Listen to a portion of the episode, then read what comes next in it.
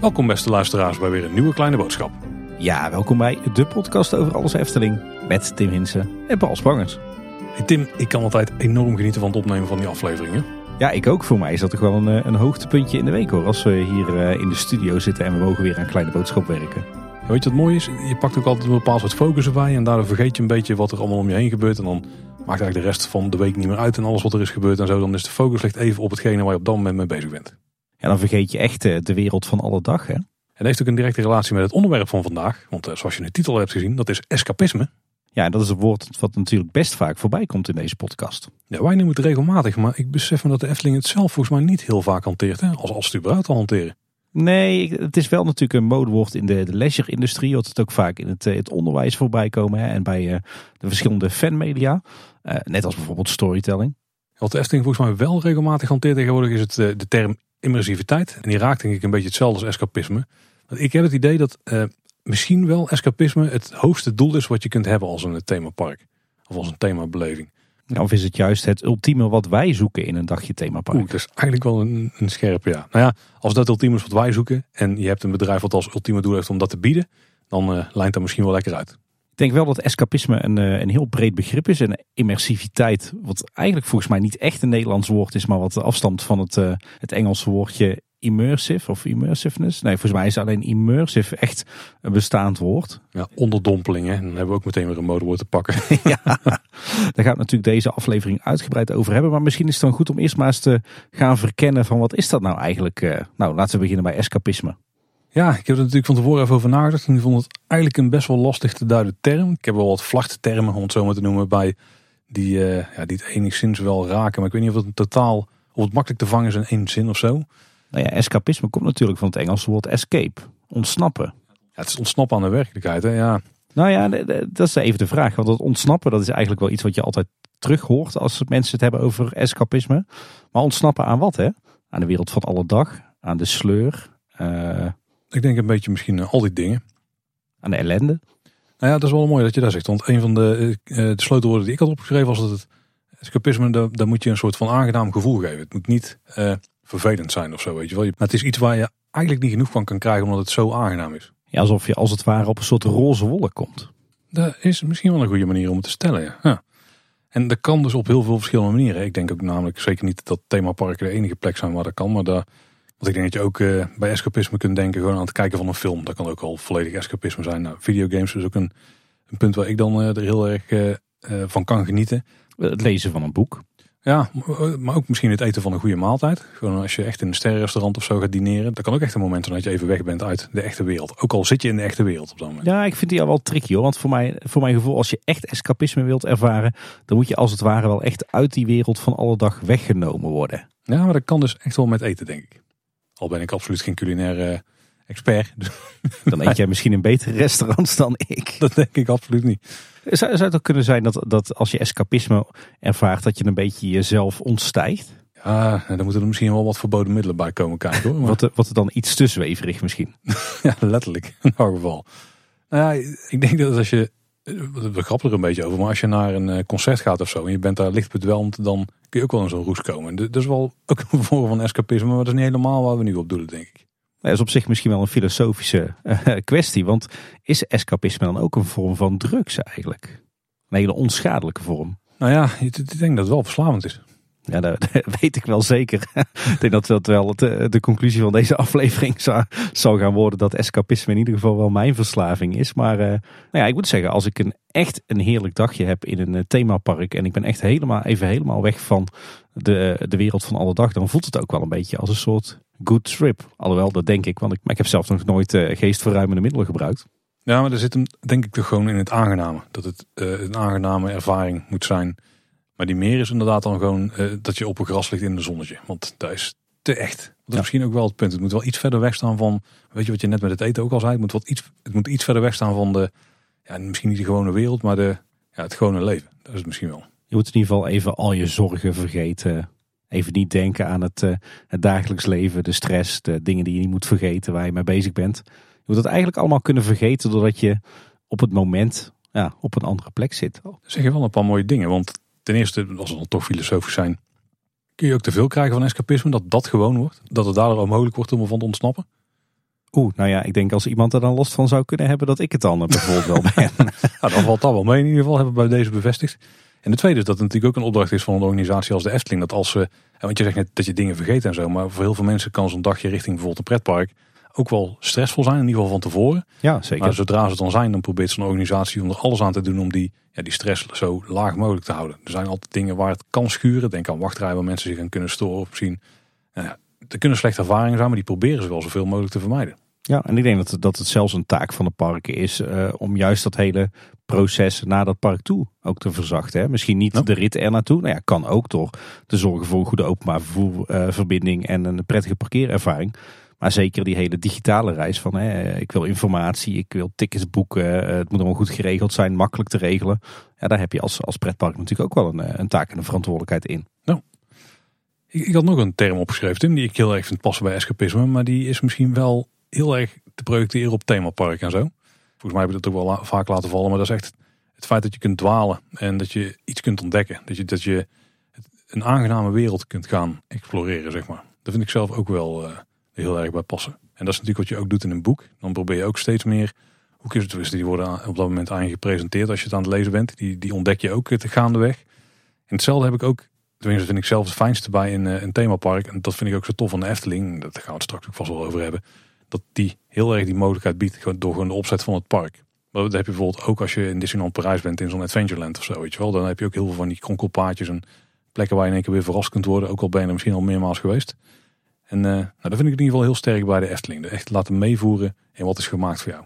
En uh, zit er dat dan ook een beetje in dat er ook uh, bepaalde plekken en attracties zijn waar niet letterlijk het verhaal aan jou wordt verteld? Dus waar je zelf ook in je hoofd de ruimte hebt om er een verhaal bij te bedenken?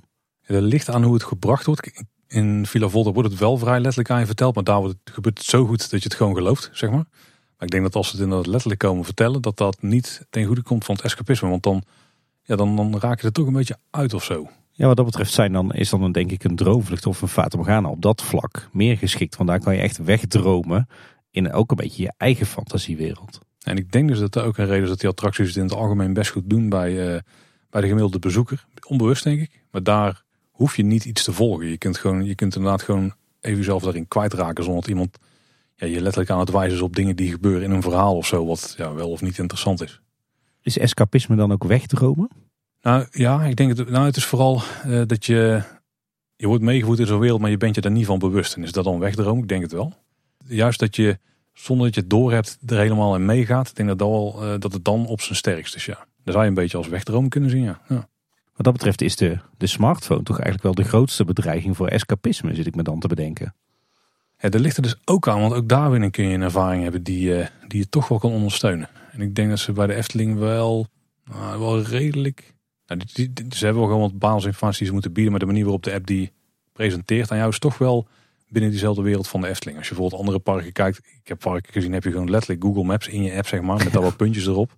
En dan werkt het allemaal half en zo en dan helpt het toch ook niet. Ja, maar ik heb het niet specifiek over de Efteling app. Ik heb het meer gewoon over de, de smartphone als apparaat. Hè. Als jij op een plek bent als een themapark, je wilt wegdromen, niet bezig zijn met die wereld van alle dag. En iedere drie seconden krijg je een notificatie van een nieuw bericht op, uh, op X, een mailtje, uh, een WhatsApp berichtje. Nou weet je wat dat is als ik in de Efteling loop Tim?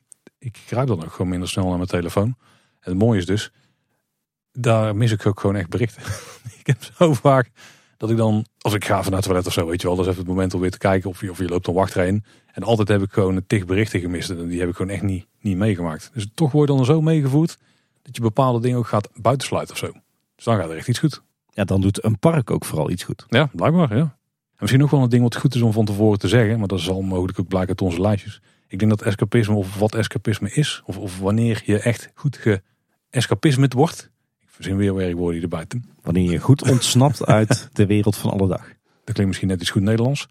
En maar ik denk dat het voor iedereen heel persoonlijk is. Dus wat voor de ene escapisme is, hoeft er voor een ander helemaal niet te zijn. En dat kan volledig liggen aan het onderwerp. Dat het gewoon iemand niet ligt. Misschien ook dat je er uh, uh, jezelf voor moet openstellen. Maar wat denk ik ook wel heel erg kunt zien is dat bij de een uh, dat die escapisme heel erg zoekt of vindt in thema. Want ik denk niet dat je het zoekt, ik denk dat je het vindt of dat het, dat het naar je toe komt. Terwijl bij een andere dat heel erg de thrill kan zijn van een attractie. Dat die juist even helemaal van uh, de wereld is Bijna letterlijk als je in een achtbaan zit. Of als je naar beneden dondert in de vrije valtoren of zo.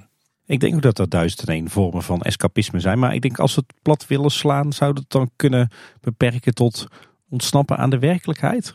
Dat is letterlijk wat de term betekent. Dus ik denk dat we dat wel kunnen stellen, ja. Nou, dan hebben we dat mysterie in ieder geval voor deze aflevering eh, opgelost. Dat had een goed woordenboek op zich ook wel kunnen doen, denk ik. Een ander belangrijk eh, begrip, denk ik, in deze aflevering is, uh, ja, we hebben het hier opgeschreven als immersiviteit. Ja, dat is dus dat je eigenlijk het gebied neerzet waarin je escapisme kunt ervaren. Ik denk dat dat een beetje de verhouding is. Ja, of dat de, de afwerking, de thematisering van een gebied, van een attractie, van een winkeltje, van een restaurant, uh, zodanig goed is dat je er echt, dat je echt in die wereld wordt ondergedompeld. En daarmee is het eigenlijk een succesfactor van escapisme. Ik denk dat daar inderdaad de verhouding is tussen die twee. Ja. Maar escapisme is dan dus echt de, het ondergaan van zo'n immersieve wereld. Zou ik hoe het moeten zien. Of tenminste, dat is een ultieme vorm wat ons betreft daarvan. Of is het een gevolg? Je wordt ondergedompeld in een bepaalde sfeer, in een bepaald verhaal, in een bepaalde wereld. En daardoor ga je escapisme ervaren. Ja, nou ja, dat is het ook, ja. ja. En dan is denk ik de vraag, hoe belangrijk vinden wij escapisme? Nou ja, voor mij is dit, dit ontzettend belangrijk. Ik denk dat dit uh, ja, in de kern is waarom ik zo ontzettend van uh, pretparken, themaparken, maar ook dierentuinen en musea en, en andere leisurebestemmingen in binnen- en buitenland houd. En natuurlijk met name van de Efteling. Voor mij is dat ja, echt gewoon ontzettend belangrijk dat zo'n ervaring zo goed is, dat zo'n wereld zo anders is, dat je echt even helemaal loskomt van die, ja, eigenlijk van het, het leven van alle dag. Dat is wat, wat mij zo aanspreekt aan die hele vrije tijdswereld eigenlijk. Ja, nou absoluut. Het is natuurlijk ook, kijk in de basis ga je naar zo'n park omdat je jezelf wil vermaken of jezelf en je gezin.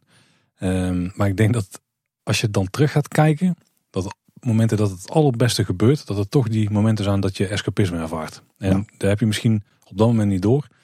Maar ga zelf eens na hoe vaak je met je, met je partner, met je gezin, of misschien alleen als je door zo'n park loopt. eh, Of dat je misschien in een voorshow ergens eh, binnenstapt en dat je gewoon echt even vergeet dat je daar staat. Maar dat je gewoon alleen maar, ja, dat je gewoon ervaart wat er om je heen gebeurt. En dat je op een gegeven moment denkt van, oh, ik moet weer gaan lopen, want we moeten verder, weet je wel. Dat zijn die momenten dat je, dan ben je echt even gegrepen door, ja, door iets. Dat is echt escapisme. En, en ik denk dat het dan zo prettig is, omdat je, je staat gewoon even, ja, het klinkt heel stom, maar je staat gewoon even uit. Je hoeft gewoon even niets en je bent gewoon even daar om, om te ervaren wat je wordt voorgeschoteld. Is dat ook niet een beetje het hogere doel van de leisuresector? He, want we, door de week gaan we natuurlijk naar school. Uh, we werken, we studeren, we zorgen voor uh, ons gezin, voor het huishouden. En we gaan juist in het weekend, op onze vrije dagen, in de vakantie, zoeken we juist dit soort bestemmingen op. Om even helemaal te ontspannen, om even alles los te laten, om even niet bezig te zijn met die wereld van alle dag. Dus is dat ook niet het uiteindelijke doel van de, de, de, de wereld van de pret- en themaparken en de vrije tijdssector in de algemene zin? Ja, ik vroeg me net ook al hardop af. En ik denk het misschien wel. Hetzelfde uitgesproken, gok ik. Ik denk dat het daar wel op neerkomt, ja. Kijk, al, is eigenlijk heel... Misschien is het heel simpel en het ligt ook wel een beetje aan de situatie. Maar als ik... Uh, nou, ik zie het zelf, nogmaals, dat grijp ik even terug op computerspellen, zie ik het heel veel. Het liefst speel ik gewoon spellen waarin je een avontuur beleeft. En waar je een wereld in kunt ontdekken. En die hebben bij mij de voorkeur op nou, een sportspel. Of, of uh, daar kun je ook helemaal in verliezen hoor. Als je daar iets meer om geeft. Maar dat is dan niet mijn uh, kopje thee. Um, maar ook gewoon een, ja, moet ik zeggen. Gewoon op een papier uh, kruisje rondje spelen of zo, weet je wel. Dat, dat, het feit dat je daar echt je kunt verliezen ook in zo'n wereld. Ja, dan maakt het wel echt veel, veel interessanter en veel leuker of zo voor mij om te doen. Maar misschien zijn we ook wel de mensen die zo gewaard zijn, Tim. Maar ik, ik denk als je het uiteindelijk gaat destilleren, dat het misschien wel op neerkomt, ja. Dat het gewoon het ultieme doel is. En heel veel delen van de leisure sector beseffen zich het misschien niet. Maar ook nogmaals, als je een restaurant hebt of je hebt een cocktailbar of zo. Het feit dat jij daar meegenomen wordt in hoe zo'n drankje wordt bereikt. En dat het wordt uitgeschonken en de sfeer die wordt gezet in zo'n omgeving. Helpt allemaal mee. En uiteindelijk, ja, je bent gewoon even, alles wat er verder buiten de deur gebeurt, ben je gewoon even kwijt. Ik denk dat het echt, echt een belangrijke succesfactor is voor, voor attracties in die leisure sector. Hè? Van in hoeverre slaag jij erin om mensen echt even het leven van alle dag te laten vergeten? Ik denk als je dat als park goed voor elkaar krijgt, dat mensen ook echt hoekt zijn als het ware. Hè? Dat ze ook echt uh, bepaalde mate van, uh, van bevrediging krijgen tijdens zo'n uh, zo'n dagje in je pret of je themapark. En dat ze daarom ook terug willen komen. Omdat ze even echt alle zorgen en ellende zijn vergeten. Dat is natuurlijk ook waar een hoop van de ja, de speerpunt of de ongeschreven regels misschien. Er zijn vast wel ergens opgeschreven, maar binnen de themaparken ziet. Het is er schoon, het is er opgeruimd. Uh, alles wordt netjes bijgehouden. Het groen ligt er goed bij. De attracties die worden regelmatig eh, onderhouden en in de verf gezet en zo. Het is, het is er veilig. Je ziet er niks van de, de buitenwereld. Uh, er zijn zoveel mogelijk afleidingen zijn weggehaald. Zo min mogelijk praktische dingen om aan te denken. Zo min mogelijk zorgen. En dat is natuurlijk anders dan als je een dagje naar een stad gaat of zo. Daarin kun je ook wel momentjes van escapisme misschien ervaren. Ik wou net zeggen, die discussie wil ik nog, mee, nog wel met jou aangaan. Maar dat nee, is voor later. Ik had reis ook op mijn lijstje staan over escapisme. Ja. Dat is inderdaad vooral het gevoel van veiligheid. Het is niet altijd even proper. Er zijn heel veel momenten die je afleiden en die je weer even terugzetten in de realiteit. En bij een goed themapark proberen ze zoveel mogelijk te voorkomen. Hebben wij het nodig, escapisme? Mag ik voor jou antwoorden, Tim? Ja, mag voor mij antwoorden, ja. 100% zeker, ja. Ja, absoluut. Ja, ik heb daar wel over zitten dubbel toen wij eh, begonnen aan, deze, aan de voorbereiding van deze aflevering. Want, want wanneer hoor je nou eigenlijk de term escapisme in, uh, in, in de media? Het zijn dan toch vaak mensen die zeggen: Ik zit slecht in mijn vel, ik heb uh, gezondheidsproblemen, ik heb uh, mentale issues, ik heb zorgen, geen werk, financiële problemen, noem maar op. en die zeggen: van Daarom ga ik zo graag naar de, bijvoorbeeld die Efteling, want daar vergeet ik even al mijn zorgen. En daar, daar voel ik me goed. En daar hoef ik even niet te denken aan al die problemen. En dan denk ik, ja, wij hebben toch eigenlijk, als ik ook even een klein beetje voor jou mag spreken, we hebben eigenlijk niks te klagen. We hebben allebei, denk ik, uitdagend werk, uh, leuke vrouwen, leuke dochters, fantastische hobby's. Nou, we hebben deze podcast waar, we ook, waar we hard aan werken, maar ook heel veel voldoening uithalen. Dus ergens hebben wij niks te klagen. Dus ik zat me zo te bedenken van, ja, eigenlijk hebben wij misschien geen escapisme nodig. Maar toen bedacht ik me ineens dat ik het ergens wel heel erg hard nodig heb. Uh, als ik dan toch even naar mezelf kijk. Mijn werk, ik ben natuurlijk projectleider bij een gemeente. Nou ja, wordt wel eens over gegrapt. Bij een gemeente liggen ze de hele dag te slapen en koffie te drinken tussendoor. Uh, en ik merk dat in mijn werk als projectleider, ja, uh, zeker bij een gemeente, iedere scheet die je laat ligt toch onder een vergrootglas. Hè? Want wat, wat, wat vindt de politiek ervan? Wat vindt het bestuur ervan? Wat vinden je collega's ervan? Wat vinden de inwoners ervan? Wat vindt de pers ervan? En daardoor ervaar ik in mijn werk stiekem toch, zonder dat ik er erg in heb, best wel een hoge mentale druk. Zeker als je een aantal projecten naast elkaar draait, waarin van alles gebeurt, dan sta je eigenlijk continu onder spanning. Ondanks dat ik, eh, als ik dat van mezelf mag zeggen, best wel schouders van teflon heb, in ieder geval eh, eh, op mijn werk, merk ik toch dat er altijd zo'n ja, toch zo'n mate van stress of druk is. pas denk ik ook wel bij mijn rol als projectleider, maar ik denk dat juist omdat ik uh, ieder vrij moment, ieder weekend, iedere vrije dag, iedere, ieder middagje dat ik even niks heb, omdat ik daarin naar een Efteling ga of naar om het even welk ander park en dat ik dat escapisme ervaar, dat ik dat ja, toch wel die stressvolle zware baan daardoor juist volhoud. Dus vanuit dat perspectief, met name vanuit werk en, en, en stress, denk ik dat ik dat escapisme juist keihard nodig heb. Maar ik denk ook als dat niet het geval was, dat je er toch wel behoefte aan had. En dan is het misschien makkelijk om terug te beredeneren, voor zover het nog gaat, als we een jaar of 15, 20 terugkijken of zo. Ja, het was misschien school het meest stressvolle wat je ja. op dat moment ervaarde. Maar ik, ik weet niet hoe dat dan was. Maar ik als kind vond je het ook al geweldig natuurlijk. Of is het dan misschien minder belangrijk? Maar op zich is dat wel een interessante. Ik heb er eigenlijk nooit zo over nagedacht. Mijn, mijn primaire reactie zou zijn: van ja, in, mijn kinderjaren was mijn leven heel erg uh, overzichtelijk. Uh, dus ja, heb je dan escapisme nodig? Maar nu ik eraan terugdenk, denk ik, ja, ik heb eigenlijk nooit zo'n leuke basisschooltijd gehad. Uh, ik kon alles met twee vingers in mijn neus, dus ik haalde daar geen uitdaging aan uh, uit. Ik werd veel gepest. En eigenlijk toen op dat moment was voor mij naar de Efteling gaan eigenlijk al wel een manier om daaraan te ontsnappen. Ik, ik, als ik terugkijk naar mijn jeugd, dan heb ik een hele leuke jeugd gehad. Maar niet dankzij mijn basisschooltijd.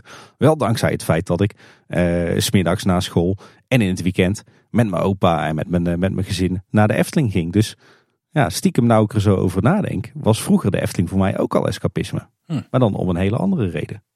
Ja, want wat ik zelf heb, ik, ik heb denk ik, ik denk, heb ik een levendige fantasie? Ik denk het wel. Ja, dat heb ik wel. Ja, jij wel. En zeker als kind. En ik denk dat dat dat ik daar ook wel iets moois vond in de Efteling. Omdat uh, ja, dat is ook gewoon echt een wereld waar je dan in kunt ontsnappen. En die nogmaals daar uitdiepen, dat dwalen. Daar heb ik altijd al wel behoefte aan gehad. Misschien is het, uh, nou, dat klinkt ook heel stom. Misschien is het normaal leven op punt ook gewoon wat saai wat dat betreft. Mm. Gewoon zo standaard. En dan juist in zo'n ja, een beetje op het randje van fantasiewereld. Uh, daar trek ik dan wel heel erg. Maar ja, escapisme is natuurlijk niet alleen ontsnappen aan ellende. Het is ook gewoon ontsnappen aan een bepaalde sleur.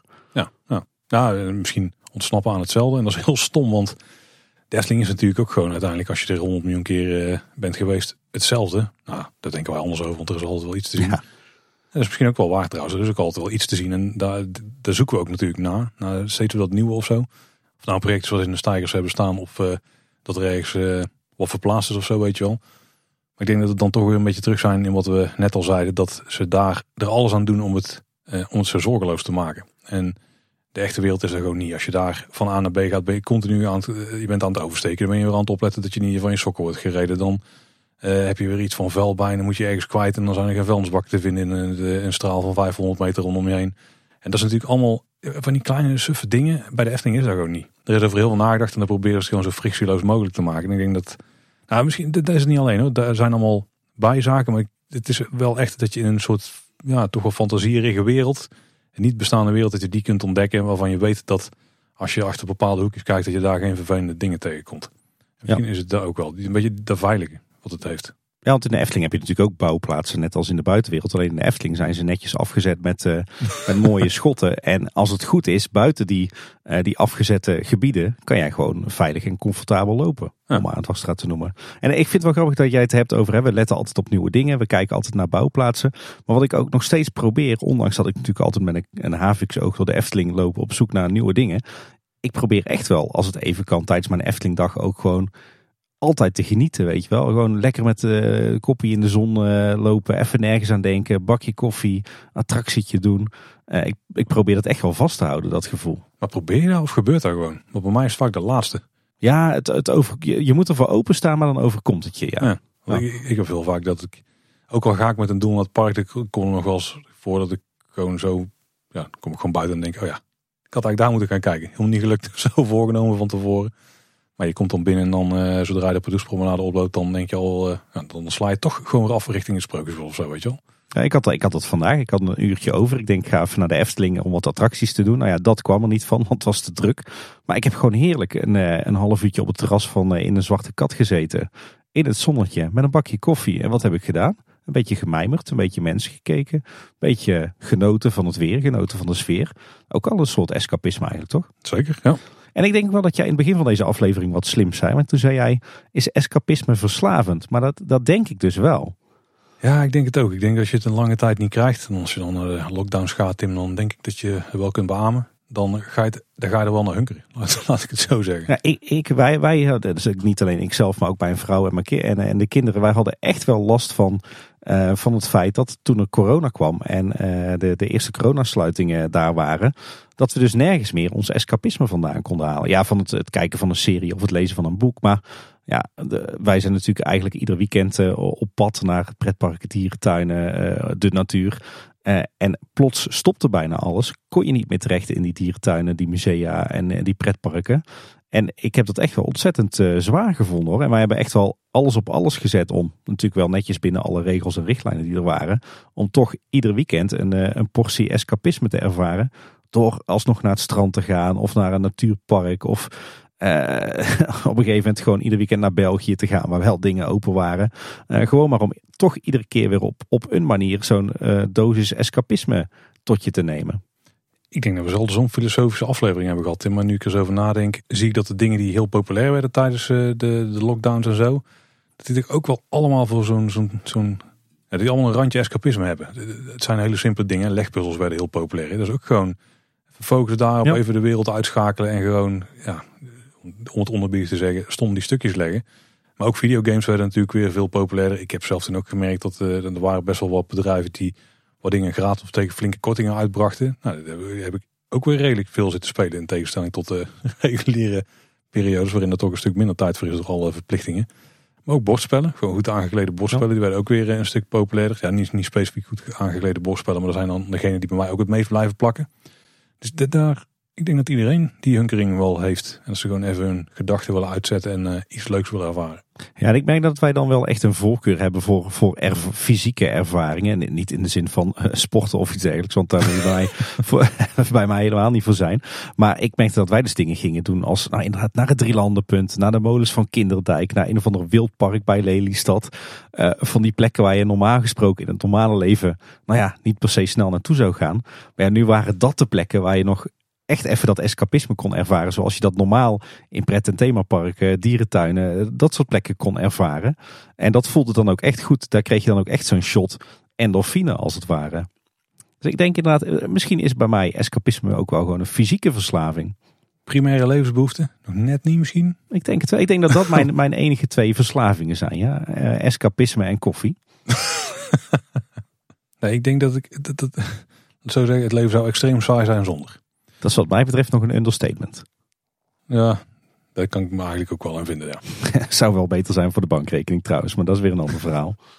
Ik, denk, ik weet niet of de, de titel van de aflevering tot duidelijk gaat maken hoor, maar we gaan weer een top 10 maken dadelijk hè.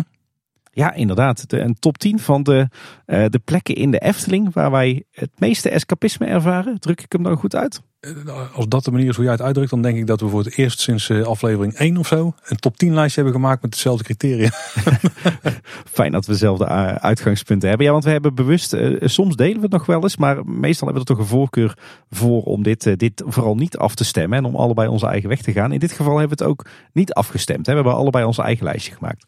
Zeker, dus ik ben benieuwd of er nog verrassingen in zitten. Kan misschien wel meevallen. Ja, ik denk dat vooral mijn eervolle vermelding, dat daar een beetje de verrassingen gaan zijn dadelijk. Ik heb deze keer geen eervolle vermeldingen. Dat is aan zich al verrassend, denk ik. Ja, ik heb in ieder geval weer een top 10 gemaakt waarvan ik zeker niet zeker ben van alle posities op de lijst. Maar behalve een paar dan.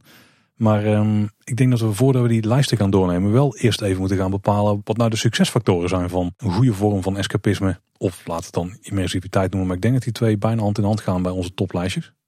Ja, ik, ik denk dat immersiviteit één van de succesfactoren is van escapisme. Ik denk, ik denk dat wat mij betreft zijn er een aantal zaken die zijn belangrijk voor het, het wel of niet kunnen ervaren van escapisme. Ik denk dat je allereerst uh, zo min mogelijk mee moet krijgen van uh, de buitenwereld. Als in uh, de, de, de gewone bewoonde mensenwereld om zo'n park heen. Maar ook aspecten uit de wereld van alle dag in je park. Hè, dus zo min mogelijk techniek, zo min mogelijk digitaal, zo min mogelijk dingen waar je zorgen om maakt. Uh, en inderdaad, uh, die immersiveness, de onderdompeling, dus uh, immersieve thematisering, die zo sterk is en zo goed, dat je echt wordt ondergedompeld in die andere wereld. Ja, een van de dingen die bij mij ook kwamen waren dan afleidingen, dat je die zo min mogelijk wil hebben. Maar dat is niet helemaal waar, want een afleiding kan soms ook in thema zijn. Die kan ook immersief zijn. Dat, je, dat je in één keer je aandacht wordt getrokken door iets van waardoor, waardoor je wel in die wereld blijft. Dus het feit dat je wordt afgeleid hoeft niet per se je, je af te leiden uit die immersieve wereld. Maar afleiding uit de echte wereld inderdaad, die wil je wel voorkomen. Ja, die, eigenlijk wil je die echte wereld echt buitensluiten. Nou ja, dat is wel interessant. Ja, want als je buiten bent, natuurlijk de lucht die kun je niet uitsluiten of zo. Uh, die doet uh, ja, niet per se mee, hoewel een blauwe lucht kan iets immersiever maken dan een overcast lucht. Of juist andersom. Nou ja, in, in Dark Ride zie je dat natuurlijk wel. In Dark Ride zeker ja. Maar daar heeft het ook andere praktische voordelen. Dat je showlicht en zo ook wel meer doet als je, als je niet in de buitenlucht bent. In ieder geval overdag. Maar als er weer een vliegtuiglaag overvliegt of die maakt veel herrie of een helikopter komt langs of die cirkelt rondom de Efteling bijvoorbeeld. Wat toevallig een paar maanden geleden was toen er uh, iets rondom het Loonse Land aan de hand was. Dan trek je er wel meteen eruit ja. Daar kan je wel afleiden. Dat is zo'n afleiding die je niet wil hebben omdat natuurlijk er een militaire vliegbasis vlakbij de Efteling ligt. Geelserijen vliegen er best wel vaak Chinooks en Apaches over. En ik, dat haalt me altijd wel uit, die geluk, uit het gelukzalige gevoel wat escapisme met zich meebrengt. Ja, ik denk wat ook een succesfactor is, is gewoon de compleetheid van hetgeen wat je ervaart. En dan bedoel ik het niet per se dat, dat, dat, uh, dat er gewoon heel veel van is. Maar dat alles wat er is wel goed op elkaar aansluit. En dat daar gewoon een compleet geheel vormt, uh, zeg maar. En ik denk dat we daar nog veel gaan langs horen komen vandaag. Als we het gaan hebben over onze top 10. Gok ik zomaar. Ja. Maar als je daarin uh, gewoon grote missers hebt, ja, dan komt het toch weer een beetje terug bij die afleiding. Ik denk dat je dan toch, dat als er gewoon iets niet klopt, dan kan er in één keer die vingerknip zijn die je uit het uh, escapisme haalt.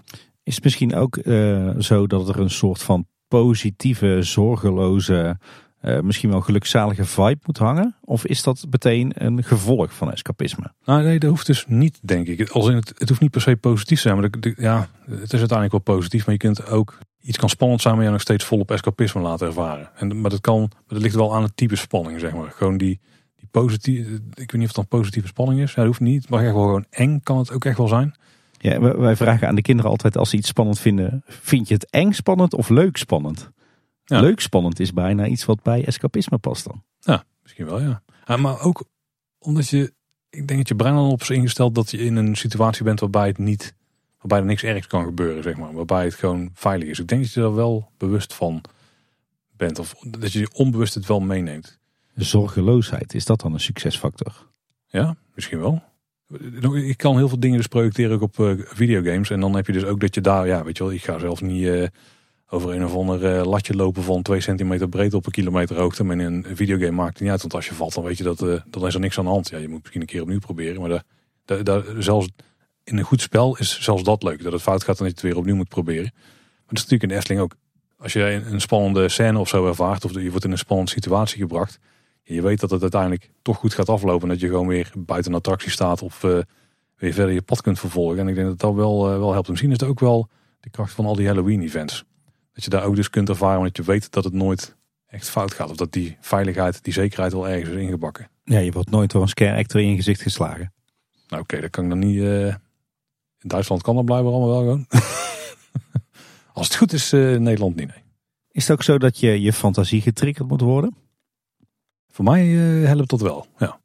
Maar wel ook onbewust. Je, moet je ervoor openstellen. Je moet je, je moet je er door mee willen laten voeren. Dat is al denk ik een vereiste. ik denk dat het daar voor veel mensen wel een beetje... Uh, dat het daar misschien wel ophoudt. Of dat er een soort van blokkering is van waarom ze zich daar niet zo in kunnen verplaatsen. Misschien is er ook wel het grote verschil tussen een liefhebber en ja, mensen die niet snappen hoe je liefhebber kan zijn, zeg maar. Maar je zou er nooit moeite voor moeten doen om je op die plek te krijgen. Dus als je ervoor openstelt, dan moet het gewoon kunnen gebeuren. Maar je moet niet door hoepels moeten gaan springen. Want dat zijn in principe gewoon afleidingen uit de echte wereld, denk ik. Om het te kunnen ervaren. Als je me nog enigszins kunt volgen. Ik besef me dat we heel filosofisch zijn vandaag. ja, inderdaad. Echt verschrikkelijk. ik denk dat onze, de, onze nuchtere luisteraars, die graag met twee benen op de grond staan, dat die misschien al wel zijn afgehaakt intussen. Nou, dan, moeten ze skippen naar de top 10. ja. Uh, nog even kijken naar het begrip immersiviteit. Het onderdompeling. Ik denk wat daar succesfactoren voor zijn, uh, is ook in zekere zin wel een beetje de afwezigheid van, uh, van zaken uit de buitenwereld. Hè. Dus -hmm. iets moet gewoon 100% rondom goed afgewerkt zijn in thema. Met ook voor detail. Je wil eigenlijk geen rookmelders zien, geen nooduitgangbordjes, geen techniek, geen. Nou ja, noem maar op. Eigenlijk moet het hele plaatje kloppen en moet alles in een bepaald thema zijn of in een bepaald verhaal zijn. Ja, ik denk dat deze eigenlijk net ook wel hebben aangeraakt. Maar dat is inderdaad vooral het fysieke stuk. Ja. natuurlijk hoort het, muziek hoort erbij, geuren kunnen erbij horen. Maar het zijn allemaal trucjes die het compleet maken. Die zorgen voor dat complete plaatje. En alle afleidingen van buitenaf, die zijn ongewenst. Ja, het moet kloppen hè? In, ja. in alle richtingen en alle zintuigen. Ja, ja zeker. Daar zou ik snel uit dan. Dat het kan in deze aflevering. Nou, nou het is dan toch tijd om naar de top 10 te gaan, denk ik, Tim.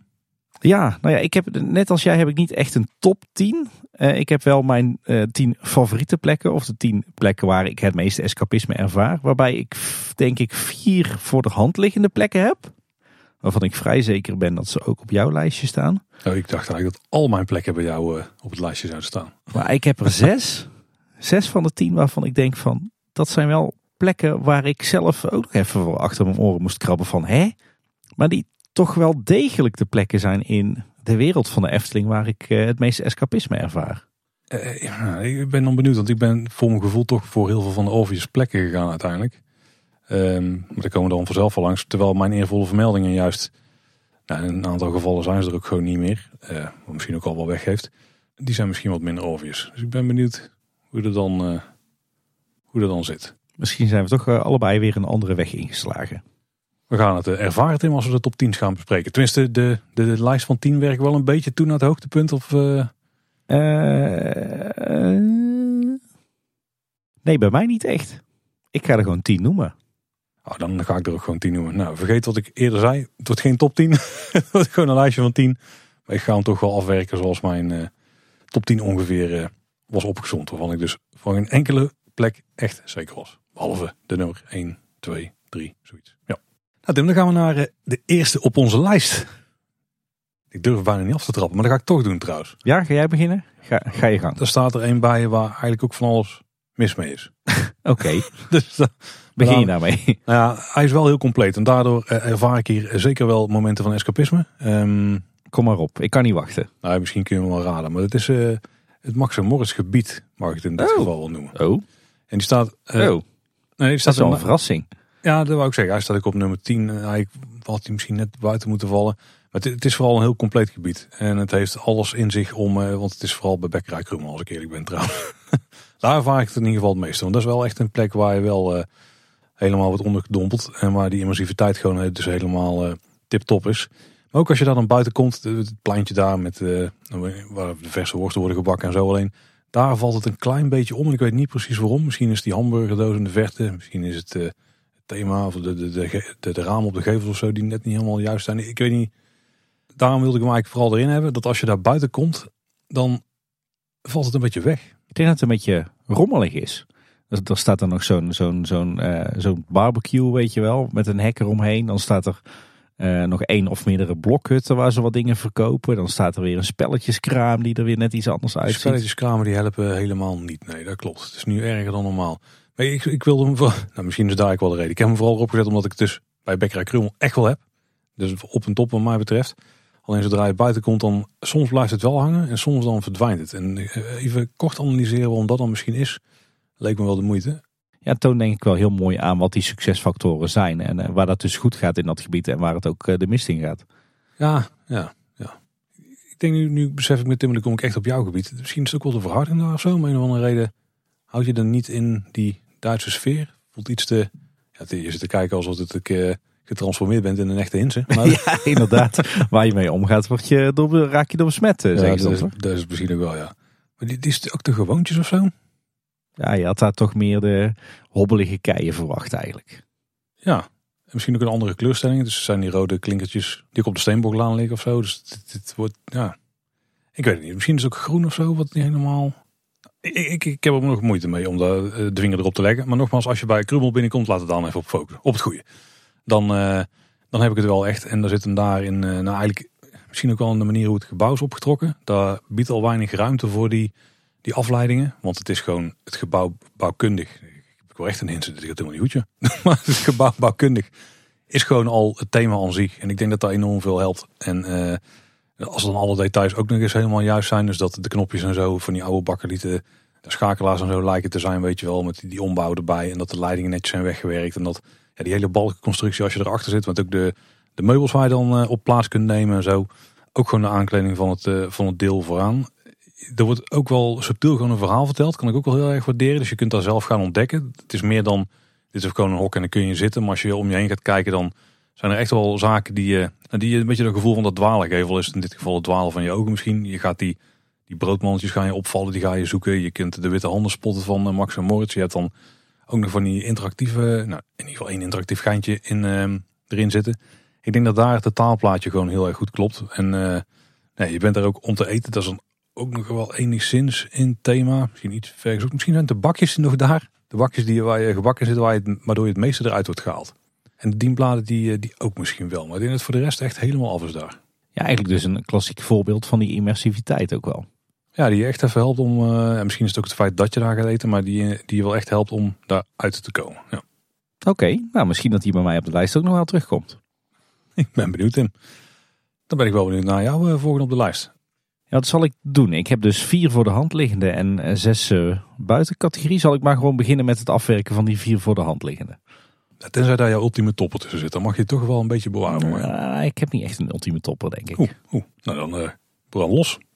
Nou, laat ik dan beginnen met, denk ik, ook weer een schoolvoorbeeld van immersiviteit. En dat is Symbolica. Ja, ja.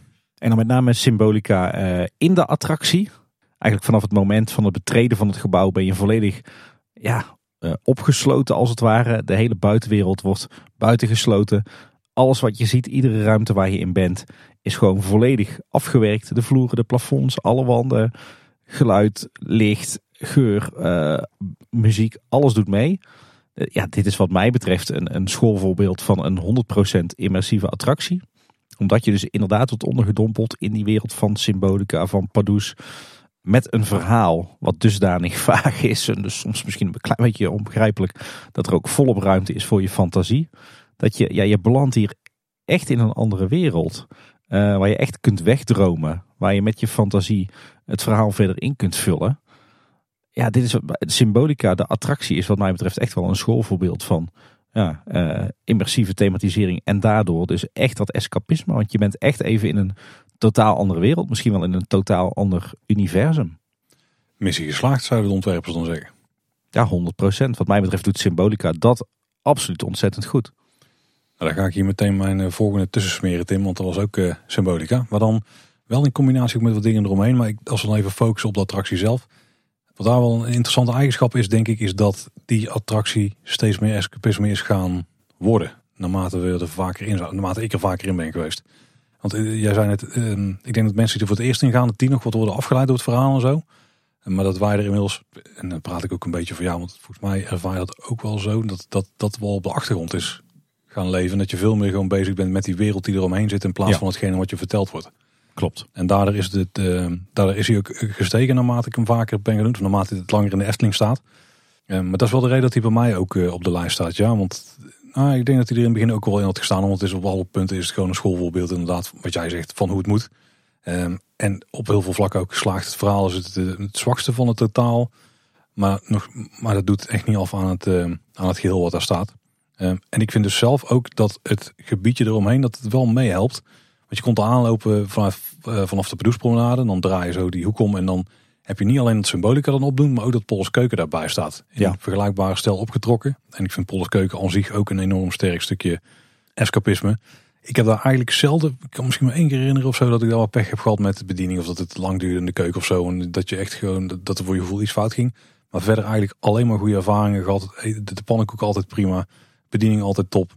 Gewoon hoe je daar zit, zeg maar. De stoelen zijn niet alledaags. Daar, ben je echt even in zo'n fantasiewereld. En dan kun je daar echt even onderdeel van zijn op je gemak, zeg maar. Zonder dat er druk op ligt of zo. En dat vind ik zelf echt een heel, eh, heel fijn eh, staaltje escapisme. En ik denk dat als je daar, als je daar net zo'n pannenkoek hebt genuttigd. En je loopt dan naar buiten en je loopt daar de paleistuin in. En je mag dan eh, naar de eerste slinger nog één zo'n overkapping eh, door, weet je wel. Dat je die hele stukje het bos doet. En dan zo de attractie in loopt. Ik denk dat je dan wel echt de ultieme symbolica ervaring hebt. En dan ben je echt wel even, even weg. Moet niet te druk zijn, want dan word je er een beetje uitgehaald. Maar inderdaad, als je dan binnen bent, dan is vanaf daar ook eh, op en top. Maar ik denk dat die hele route zo, dat, daar naartoe, dat er wel...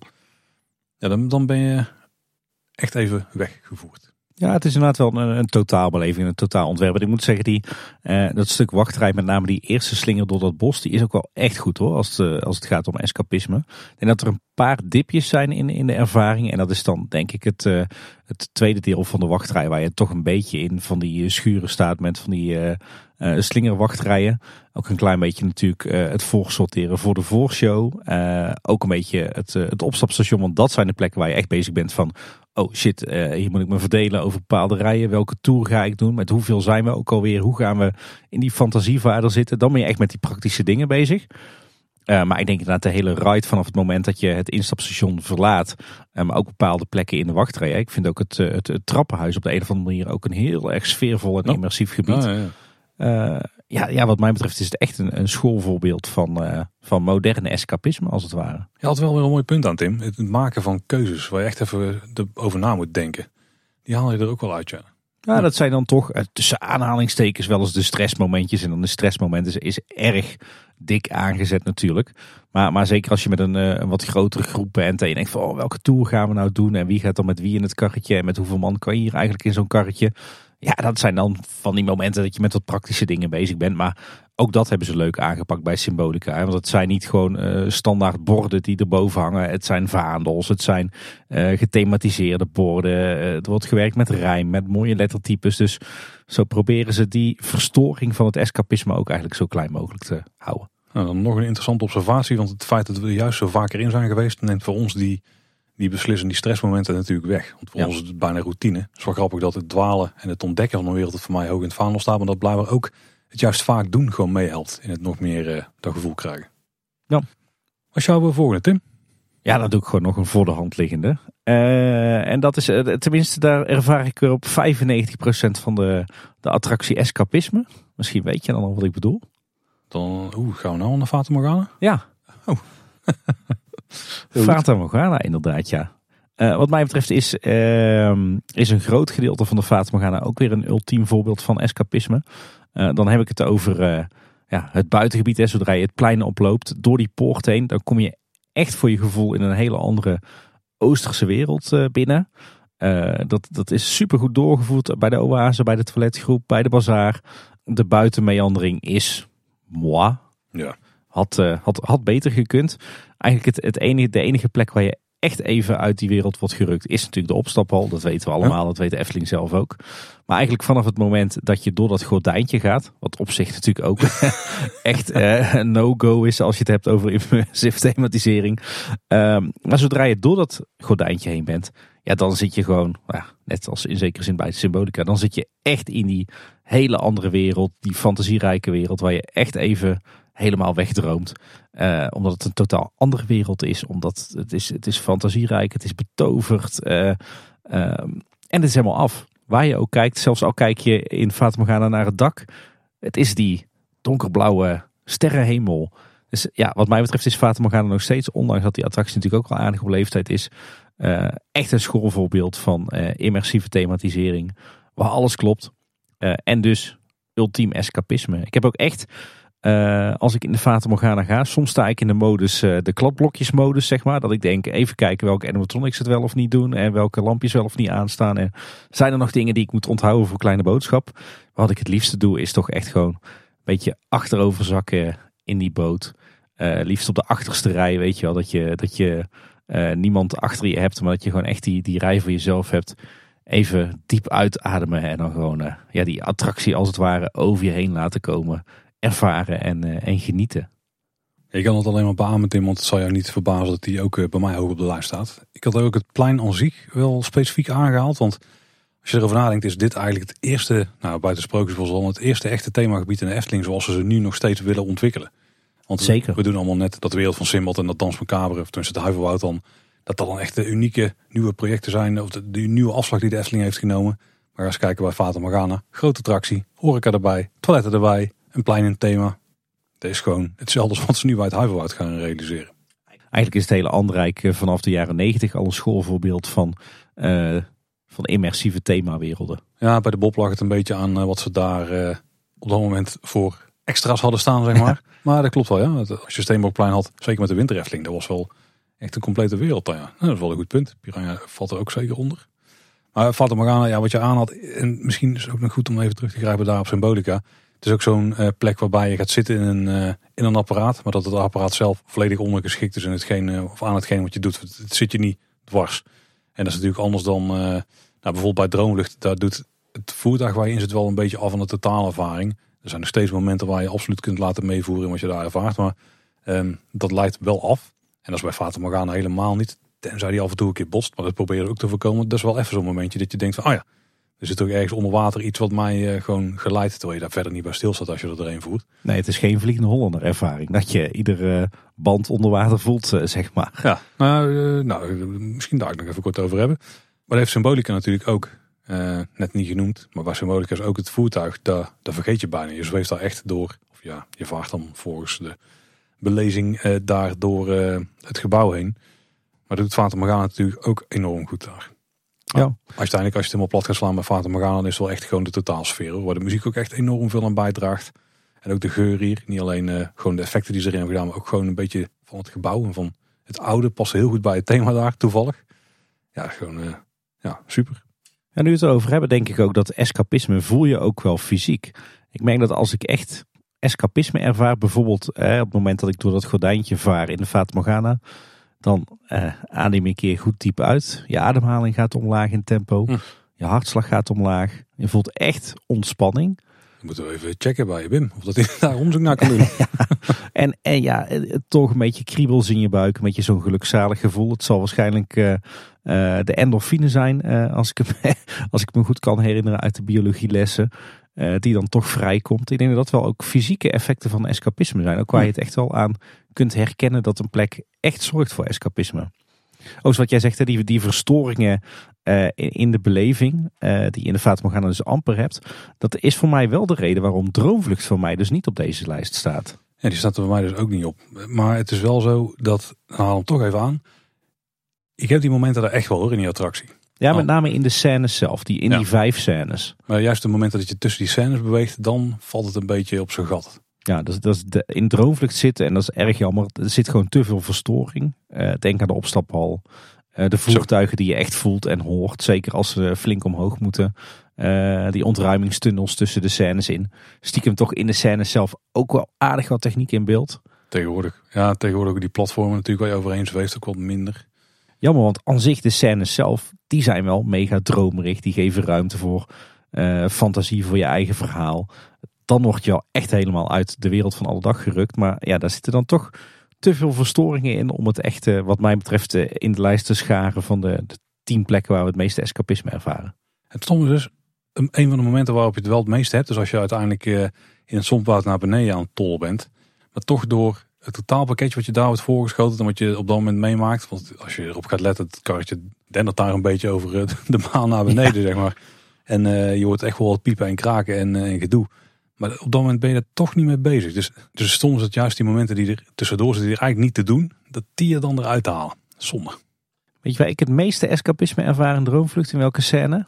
Ja, nee, dat weet ik niet. Wat zou ze allemaal kunnen zijn. Ja, niet rationeel overigens. Want als je het rationeel gaat afpellen, zou dit zeker niet de scène zijn waar dat het geval is. Maar waar ik fysiek het meeste escapisme ervaren is in Hemelburgten. Ja, en, uh, ja, ik, ja, zal het allemaal kunnen zijn. Ik denk dat bij mij uh, het wonderwoud is er zit weer het ontdekken van die scène. Er zijn zoveel hoekjes en, en tunnels en uh, ja, moet ik zeggen, grotten en zo waar je dingen kunt ontdekken. Dat, dat vind ik zelf dan heel vet. Ja, en ik heb juist bij Hemelbucht het meeste dat gevoel van het onwerkelijk, uh, het ja, wegdromen. Ja. ja. Maar goed, droomvlucht is niet in de lijst bij ons allebei. nee. Wel Fata Morgana. Ja, die, die, die, jij bent gewoon weer aan de beurt, Tim. Ja, dat heb je met al die overlappunten. Ja, ik zei al, ik heb vier voor de hand liggende plekken in de Efteling. Nou, toch had ik er een paar van jou al kunnen invullen die ik zeker niet heb trouwens. Dan ben ik heel benieuwd. Ja, als jij een lichte hint geeft af en toe, dan kan ik wel een poging om niet te raden. Dan uh, ga ik naar mijn derde voor de hand liggende plek. Uh, ja, ik, ik gooi hem maar gewoon in. Het lavelaar. Ja, hele goeie. Ja. Manco aan het lavelaar is natuurlijk het feit dat je daar op sommige plekken wel heel erg de buitenwereld ervaart. Hè. Zeker uh, als je in de buurt komt van de laafmuur, dan zie je gewoon stukken van de Europalaan en van Kaatsheuvel. Maar toch stoor ik me daar eigenlijk nooit echt aan. Uh, de slakkenmonorail is ook eigenlijk een verstorend element. Maar ook die kan ik wel redelijk makkelijk wegdenken. Maar ik vind het gewoon zo heerlijk dat als je het Lavelaar binnenloopt, wat toch altijd over een brug of door een poort is, dan heb je zo'n overgangsmoment. En dan kom je in een hele andere wereld terecht. Ja, het ontvouwt zich echt voor je dan. Hè? Ja, ja. En, en, dan kom je dus in dat Lavelaar terecht, waar alles anders is. Met een eigen bouwstijl, met eigen bewoners, met een duidelijk verhaal. En alles klopt daar. Het, of het nou het straatwerk is, het, het, het groen, uh, de zitjes. Alles is anders dan in het leven van alle dag. En alles klopt. Je bent echt te gast in een bijna absurdistisch dorpje. En ja, voor mij voelt het echt alsof je daar echt binnenstapt in een andere wereld waarin alles klopt. En dat is uiteindelijk, denk ik, onderaan de streep toch ook weer dat immersieve en dus escapisme.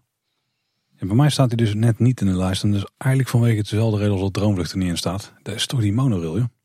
Dat gepiep en dat gekraak van die bandjes, dat haalt hij dan toch net wat uit.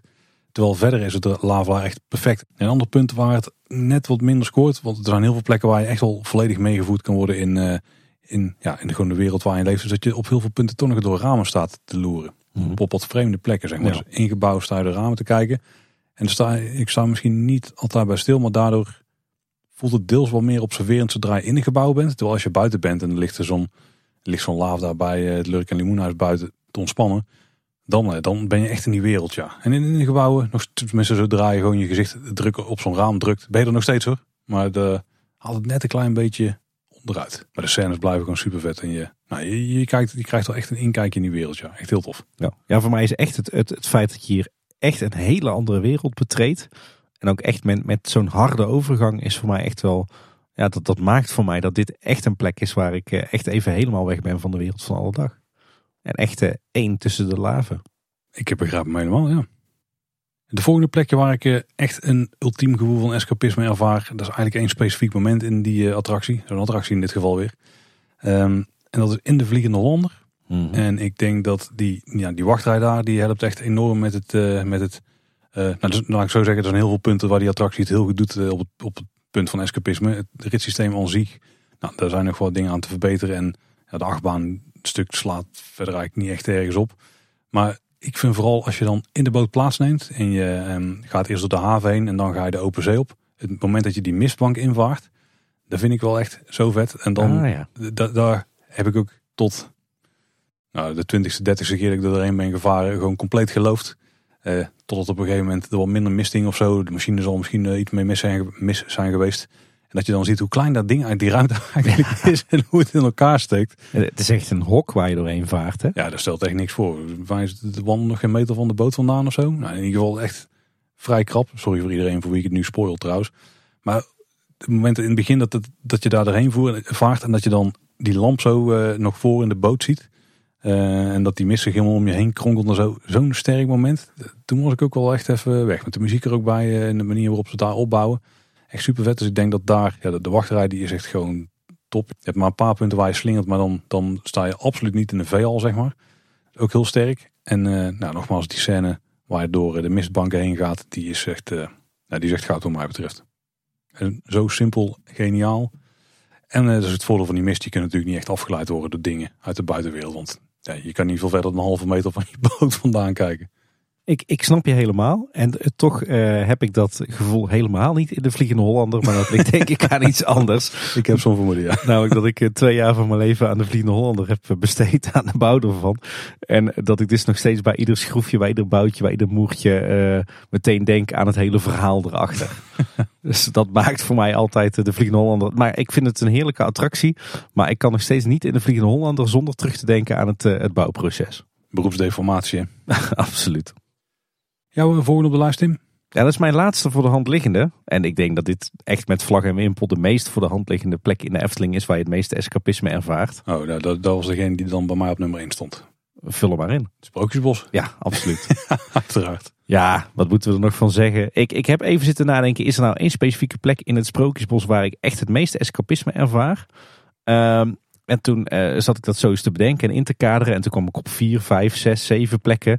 Waarbij ik uiteindelijk eigenlijk tot de conclusie kwam dat het daadwerkelijk voor zo'n beetje het hele sprookjesbos geldt. Uh, met misschien een paar uitzonderingen waar je net even uit dat, uh, uit dat escapisme wordt gerukt. Maar dat valt dan ook wel weer mee. Dus nee, ik denk dat voor het hele bos geldt echt vanaf het moment dat je voorbij het sprookjesbosbord loopt. En je gaat door de poort heen met de heksen erop. Ja, vanaf dat moment stap je gewoon echt in een totaal andere wereld binnen. En dat is het, het sprookjesbos. En ja, je zit gewoon echt in een kokon gedurende jouw, uh, jouw wandelingen. Ja, ik denk dat het daar wel een hoop dingen aan bijdragen hoor. En dat de Efteling daar ook heel, zorg, heel zorgvuldig mee omspringt. Het groen is natuurlijk echt enorm belangrijk daar. Het zijn een beetje de coulissen waar je doorheen beweegt. Uh, ja. Maar die ook gewoon het decor vormen. En dus ook het, het buitensluiten van niet alleen uh, de buitenwereld, maar ook eigenlijk de rest van de Efteling. Hè? Het is echt ja, een soort van enclave binnen die Efteling.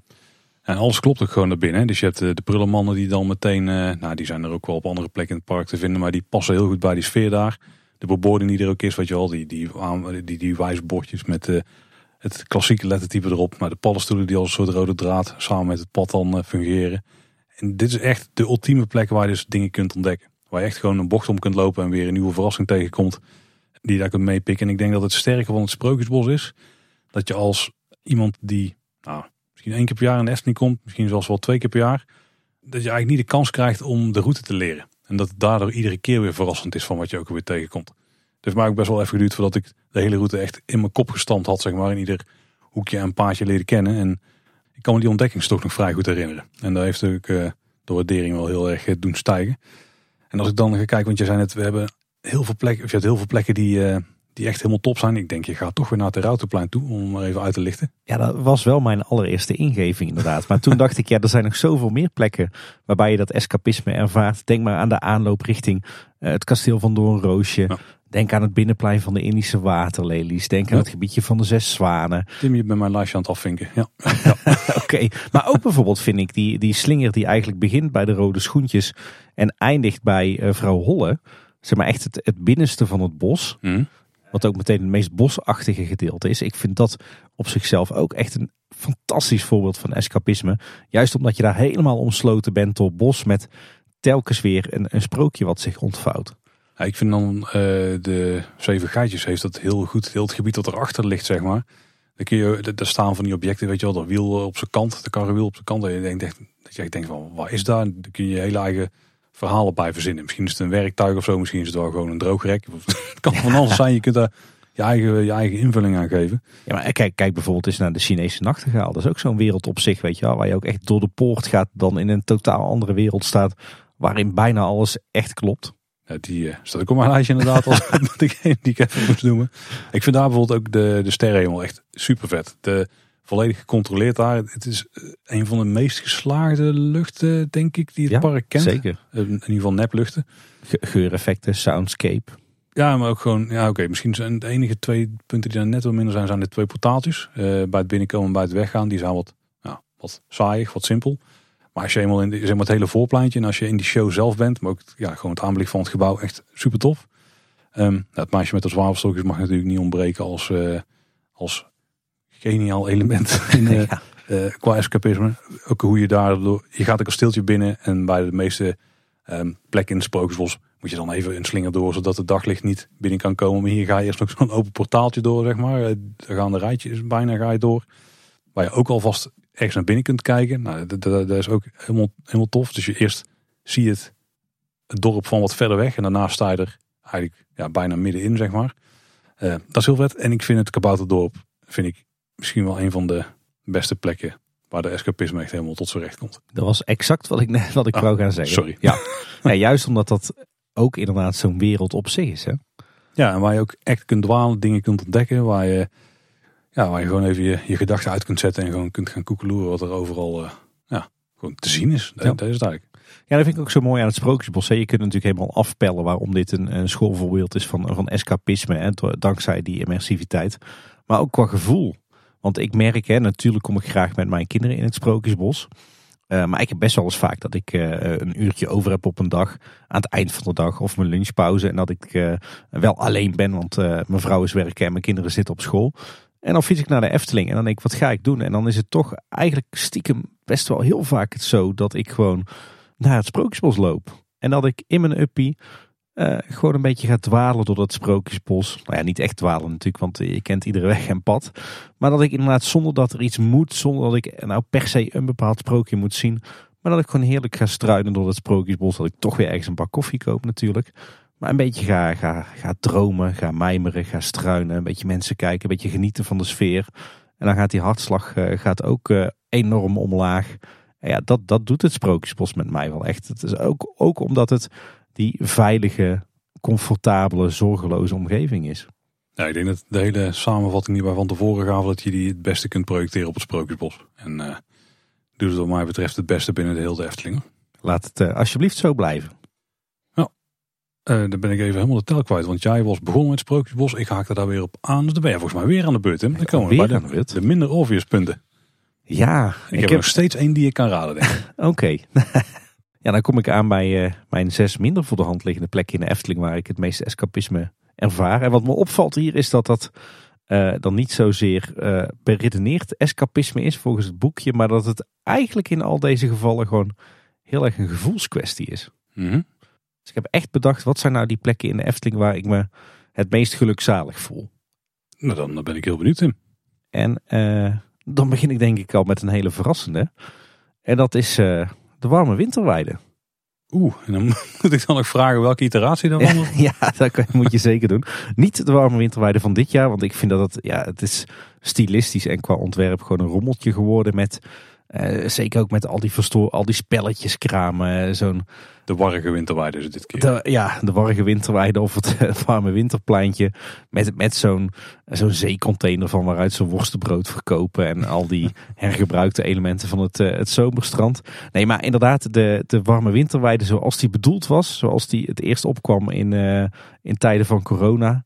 Ja, dat was zo'n uh, heerlijke wereld apart, weet je wel. Je, je liep er naartoe over de dubbele laan en dan liep je een beetje omhoog, de wei op. En dan kwam je op die warme winterweide die helemaal omsloten was met, uh, met kerstbomen. En daar hing zo'n heerlijk gelukzalig sfeertje met die, misschien ook wel dankzij dat boomschors op de grond, wat dan, dan toch een, een ander gevoel meegaf, een andere geur. En dan toch een beetje dat gelukzalige sfeertje met, met eh, ja, die leuke entertainment acts. Met het lekkere eten en drinken. Mensen die bij een, een kampvuur zich aan het warmen zijn. Uh, de, de schaatsbaan waar plezier en vertier wordt gemaakt. Ja, dat was zo'n wereld apart van de rest van de, uh, de, de winter Efteling. Ja, ik weet niet. Daar, ik kreeg daar altijd een, een enorm gelukzalig gevoel. Nu nog steeds wel op de, de huidige warme winterweide. Maar dat is dan toch, ja, wat we al zeiden, een beetje een rommeltje aan het worden. Maar destijds, toen het gewoon helemaal klopte, toen alles ook een beetje die, diezelfde stijl had. Het was eigenlijk heel erg overzichtelijk. Boomschors, twee kampvuren uh, en houten blokhutjes en, uh, en wat nepsneeuw en wat lampjes. Ja, dat was gewoon een heel mooi kloppend beeld eigenlijk. Ja, dat was echt wel een wereldje apart. En ik kon daar echt enorm van genieten.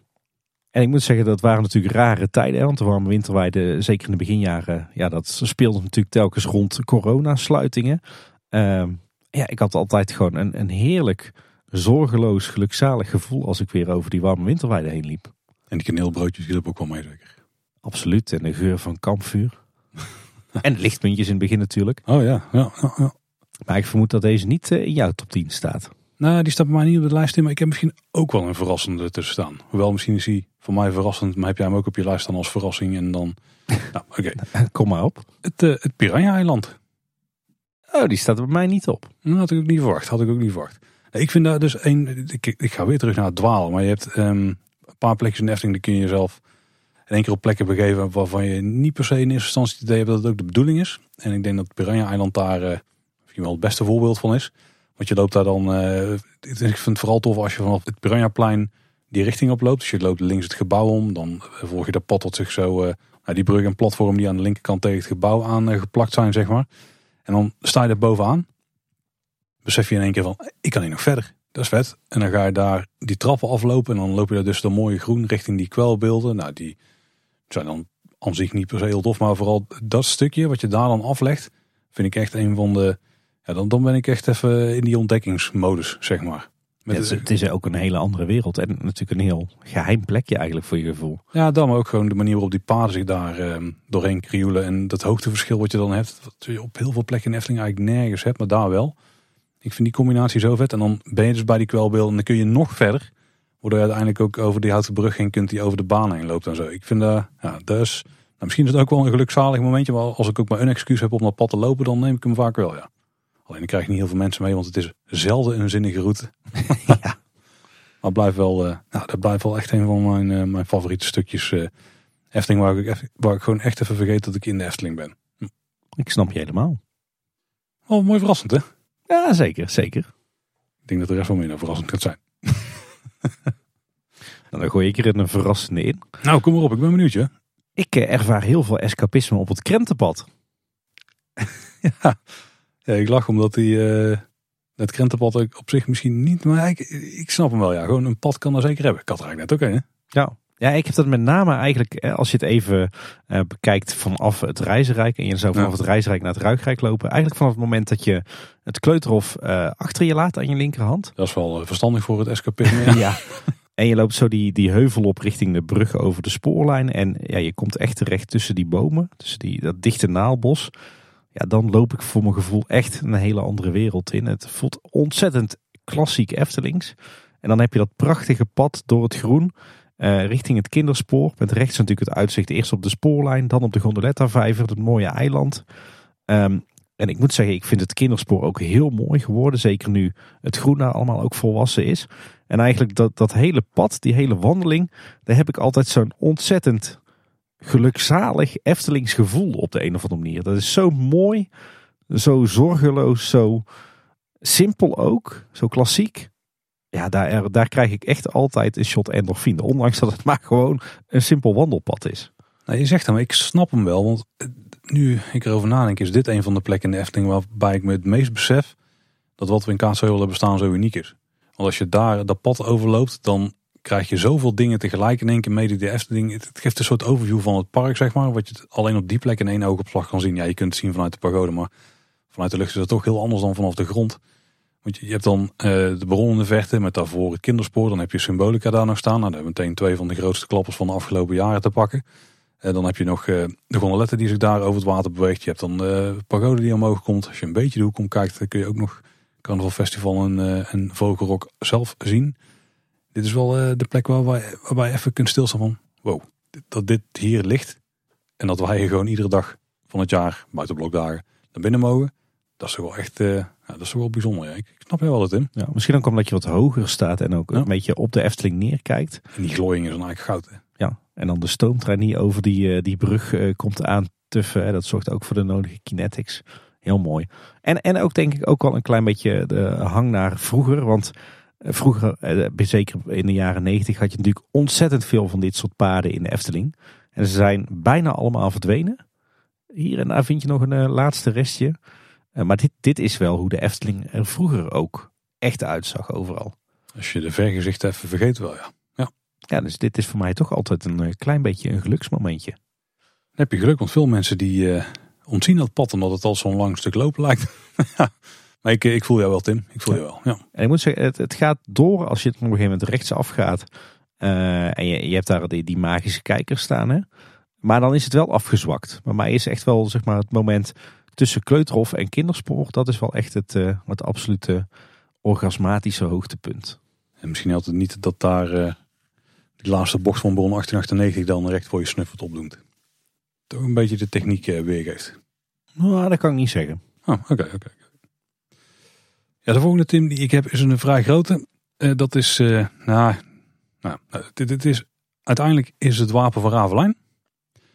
Oh, Maar wel inclusief eh, de hele route die je aflegt vanaf de, de Magische Poort richting, eh, ja, over het voorplein heen, richting eh, het Wapen van Ravelijn. Ik vind dat, zeker met het concept dat er nu in zit, dat is echt wel even een stukje ultiem escapisme ook binnen de Efteling wat mij betreft. Dus nogmaals, we beginnen even bij de aanloop. Je gaat door die poort heen en dan kom je over het plein heen. En dan gaan we toch kijken naar de verharding, Tim. Die is daar helemaal on point natuurlijk. respect, respect. Ja, ja, ja. En je loopt daar door langs het groen en je hebt dan die middeleeuwse sfeer die daar heel erg goed wordt neergezet. En dan loop je langs grote rad. Dan, je, er zitten heel veel elementen die hebben totaal geen, eh, hoe moet ik zeggen, ze hebben heel veel toegevoegde waarde, maar ze hebben geen functie. Ze zijn echt decor. De- Het minste is misschien de glimp die opvangt van, eh, van eh, de arena, vanuit die hoek zeg maar. Want dan is het vooral een, hele grote zandbak. Maar zodra je dan het Ravelijn binnenkomt, daar onthaalt, eh, als je dus bijvoorbeeld het heldendiner gaat ervaren. En die ervaring van het heldendiner, inclusief alles wat daar naartoe leidt, is toch wel echt geniaal. Ik vind het Wapen van Ravelijn qua... Misschien is het wel het mooiste aangeklede restaurant in de Efteling. Misschien net iets smaakvoller dan Polles Keuken. Wat dan toch een beetje licht cheesy is op punten. Maar het past wel binnen die wereld daar. Omdat we zitten op een andere... We zitten in een andere wereld en zo. Maar het dus dat is echt... Met al die kaarsen daar eh, die eh, langs die eh, pilaren en zo geplaatst zijn. En de, ook de banken waar je op gaat zitten. Maar ook het hele verhaal waar je meegenomen wordt. Wat niet te cheesy is, maar eigenlijk helemaal niet cheesy is wat mij betreft. En hoe ze de kinderen daarvan maken. Dat is wel echt, eh, als je alles bij elkaar optelt. Dat gaat misschien nog heel veel verder dan het op andere plekken is. Omdat het gewoon meerdere ervaringen tegelijk zijn. Het is het thema ervaring, maar het is ook het eten wat daarbij hoort. En de manier waarop het gepresenteerd wordt. En de muziek die erbij komt kijken. En eigenlijk gewoon alles. De gastvrijheid die je daar ook ervaart. Ja, dat is wel... eh, dat doen ze heel goed. Ik eh, snap. We zijn het veel met elkaar eens. Ondanks dat onze Ja. lijst toch afwijken. Ja, inderdaad. Ja, ik kom weer met een eh, niet voor de hand liggende, denk ik. Ik kom met een, eh, een, een heel erg specifiek afgekaderd gebiedje in de Efteling. Ja, dat is onmogelijk voor mij om te raden. Ja, dat klopt. En dat is eigenlijk het gebied. Ik ga het gewoon, gewoon inderdaad gewoon eh, de, de grenzen aangeven. Eigenlijk het gebiedje vanaf de ingang van het Sprookjesbos, de Marskramer zo, de spoorwegovergang. Dan dat paadje zo richting Droomvlucht tot aan de kiosk. En dan als je het weer terugsteekt de andere kant op, zo langs de, de glazen kat, het poffertje, zoete inval, suikerhuis, de spoorlijn, eh, uitzicht op de carousel. Dat hoekje, dat is voor mij eh, misschien wel de, de plek in de Efteling waar ik me het meest thuis voel. Als ik daar, daar in dat gebiedje aankom, dan, dan voelt het echt zo van, ha, hier, eh, hier kom ik thuis. Dit is Efteling voor mij. Ondanks dat het ook gewoon een plek is waar, waar je asfalt vindt en, en menukaarten en weet ik het allemaal. Toch, daar hangt zo'n positieve, klassieke Eftelingse vibe. Ja, ik word altijd zo ontzettend blij als ik daar aankom in dat gebiedje. Dat is voor mij ook echt waar ik echt even helemaal weg ben van alles. Waar ik me gewoon ultiem gelukzalig voel. Misschien hebben we dan nog een, een stukje wat mee kan helpen aan escapisme. Of in ieder geval dat gevoel verhogen waar we niet hebben aangehad. Is nostalgie dan misschien ook daar wel onderdeel van of zo? Misschien zit ook dat warme dan in hè? Ja, ik denk Het het gaat hand in hand natuurlijk. Ja. Ik snap precies wat je bedoelt. Dat er echt een klassiek stukje Efteling is. Dat dat, dat heb ik ook helemaal. Maar daar is het ook eh, wel veel minder sterk dan bij het Max Moritzplein. Maar daar is ook wel iets wat me er toch een beetje uithaalt. Misschien is dat, dat daar toch het idee van een beetje gevaar of zo nog zit met die spoorwegovergang. Misschien het, ik weet niet wat het precies is. Maar Ja, voor, voor mij is het wel echt de vibe die er hangt. Ook met, ja, met de wel. geuren, met de geluiden. Juist ook met dat stukje onttovering. Ik weet niet wat het is, maar het, ja, het is echt die vibe die daar hangt. Ja, ik snap wel, snap wel, ja. En natuurlijk het uitzicht op het Carouselpaleis. Hè. Dat eh, is normaal gezien natuurlijk ook schitterend als die gevel eh, er is en in goede staat. Je kaderde hem flink af, maar ik dacht dat dat is een van de plekken was waar je nog naartoe wilde gaan. Maar nee dus. Nee, Oh, nee, oké. nee. Ja, ik, ik hou op heel veel verschillende manieren van het Carouselpaleis. Maar hij staat niet in dit, dit, dit rijtje, nee. Misschien dezelfde reden als eh, de Vliegende Hollander, dat je daar iets te veel van weet misschien. Zou kunnen, maar misschien ook omdat het daar net iets te veel plekken zijn waar je weer uit eh, de sfeer wordt gehaald. Het is gewoon een attractie zoals hij echt stond. Nou, dan, dan ga ik mezelf helemaal onderuit schroefelen als ik naar mijn volgende mag gaan. Ja, Want dat is het eh, Anton Pieckplein. Als we dan hebben over een plekje waar alles klopt, dan denk ik dat we dat daar wel mogen zeggen. ja, ja. Natuurlijk heb je wel eh, wat muurtjes waar de lavelaar overheen eh, piept. En, en je kunt nog wat van de hallen zien die op het, eh, op het dienstencentrum staan. Maar het totaalplaatje hier gewoon, ja, je gelooft daar echt wel dat je, op, dat je in een soort dorpplein terecht bent gekomen. Of op zo'n dorpplein terecht bent gekomen met de huisjes er langs waar dan nog wat, eh, wat, winkels, eh, wat winkels in zitten. Waar wat mensen in wonen.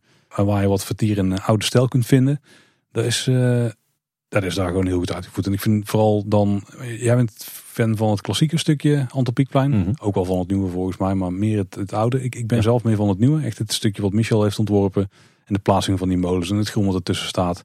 Eh, en hoe het ook omkaderd is door, eh, nou, onder andere wel door het lavelaar. Wat, wat toch een beetje het dorpsgevoel nog. Weet je wel, als je door je oogharen kijkt, een beetje daardoor laat lopen.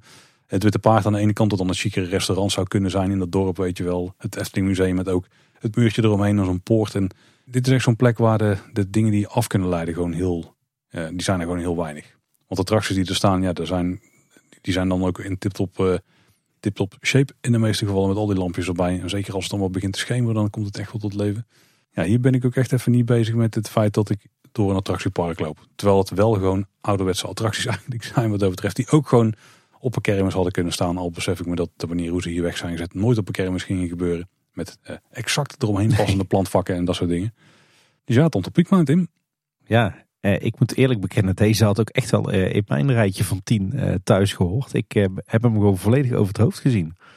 Daar vind ik altijd het risico bij dit soort lijstjes maken. Want ik moet eerlijk zeggen dat Lavelaar had ik, ik denk dat die ook wel een beetje over het hoofd had gezien. Da- Daarom is het goed dat we allebei onze eigen lijst hebben gemaakt. Zeker, zeker. Maar drie te gaan, Tim. Nog maar drie te gaan, drie minder voor de hand liggende. Ja, dan eh, ga ik voor de gondoletta. Eh, als je in de attractie zit en dan eigenlijk vooral het stukje op het moment dat je... Hoe de stenen brug doorgaat. Nee, Oh, nee, nee, nee. Juist het moment vanaf dat je onder de houten brug doorgaat. Oh, dus Met je... aan je linkerhand de wensbron. En je gaat het open water op. Met links van je het, het eiland, rechts van je het kinderspoor. En dan zo'n beetje tot de spoorlijn. Mhm.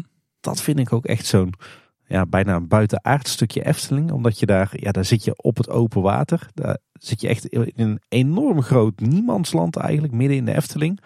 Je totaal afgesloten van de buitenwereld. In je bootje, in dat diepe water. Ja, daar ervaar ik ook altijd zo'n eh, zo'n geluksmomentje. En zo'n gevoel dat ik echt even helemaal weg ben. Ja, goeie. Ik snap hem ook wel bij het open water. Maar ik denk dat als ik mijn favoriete stukje gondoletten zou pakken, dat het dan inderdaad vanaf de stenen brug zou zijn. Ik hou wel van dat eh, wat benauwdere bosgevoel waar je dan eh, doorheen vaart, zeg maar. Maar ik snap jouw eh, ding wel, ja. Dat is wel echt het stukje niet Hollands bijna, of zo. Ja, misschien is het ook een beetje de desolaatheid. Weet je, het is eigenlijk natuurlijk heel erg bijzonder dat je in een themapark, en vaak zijn themaparken toch, eh, eh, is de ruimte erg krap, dus zijn ze helemaal volgepakt. En dan heb je hier in de Efteling heb je ja, echt het enorm oppervlakte aan water met niks. En waarom eigenlijk? En daar ben je zo geïsoleerd van alles om je heen. Met wel ontzettend mooi uitzicht natuurlijk, 360 graden rond. Op het kinderspoor, op de spoorlijn, op het, eh, het café-restaurant, op eh, het eiland. Ja, sch- schitterend. Daar, eh, daar kan ik altijd ontzettend wegdromen. En ik moet wel zeggen, jij maakte net de opmerking van dit is ni- niet jouw favoriete stukje gondoletta. Dan valt me dus wel op dat als ik echt kritisch ga kijken naar wat zijn nu de plekken in de Efteling waarin ik echt het meest dat escapisme ervaar, dat het niet per se altijd de mooiste of de beste plekken zijn. Het is niet zo dat er echt per se een overlap in zit. Misschien dat daarom het Antropiekplein dus ook niet op mijn eh, lijstje stond. Het Antropiekplein staat bij mij, net als het Carouselpaleis, op heel veel plekken, eh, in heel veel lijstjes heel erg hoog. Maar dat is niet per se een garantie dat dat dan ook de plekken zijn waar ik het meeste dat escapisme ervaar. Tim, ik kan er wel van genieten van jouw lijst met de minder voor de hand liggende plekken. Ik, eh, ja, ik heb nog twee super obvious eigenlijk opstaan wat mij betreft. Waarvan ik er van eentje toch vreemd vind dat hij niet meer op de lijst staat eigenlijk.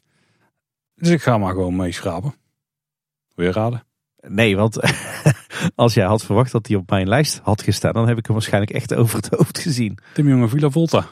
Nee, let op, ik ga hem uitleggen. Want Ja. het mooie bij Villa Volta is dat eh, er is echt enorm veel, eigenlijk ja, gewoon oud aan die attractie laten daar afhouden. Er zijn vreemde keuzes in gemaakt. Ik heb het al wel vaker gehad over Hugo die op de kast zit. Wat niet echt een heel logische plek is om jezelf eh, op te houden in een eh, gemiddeld huis.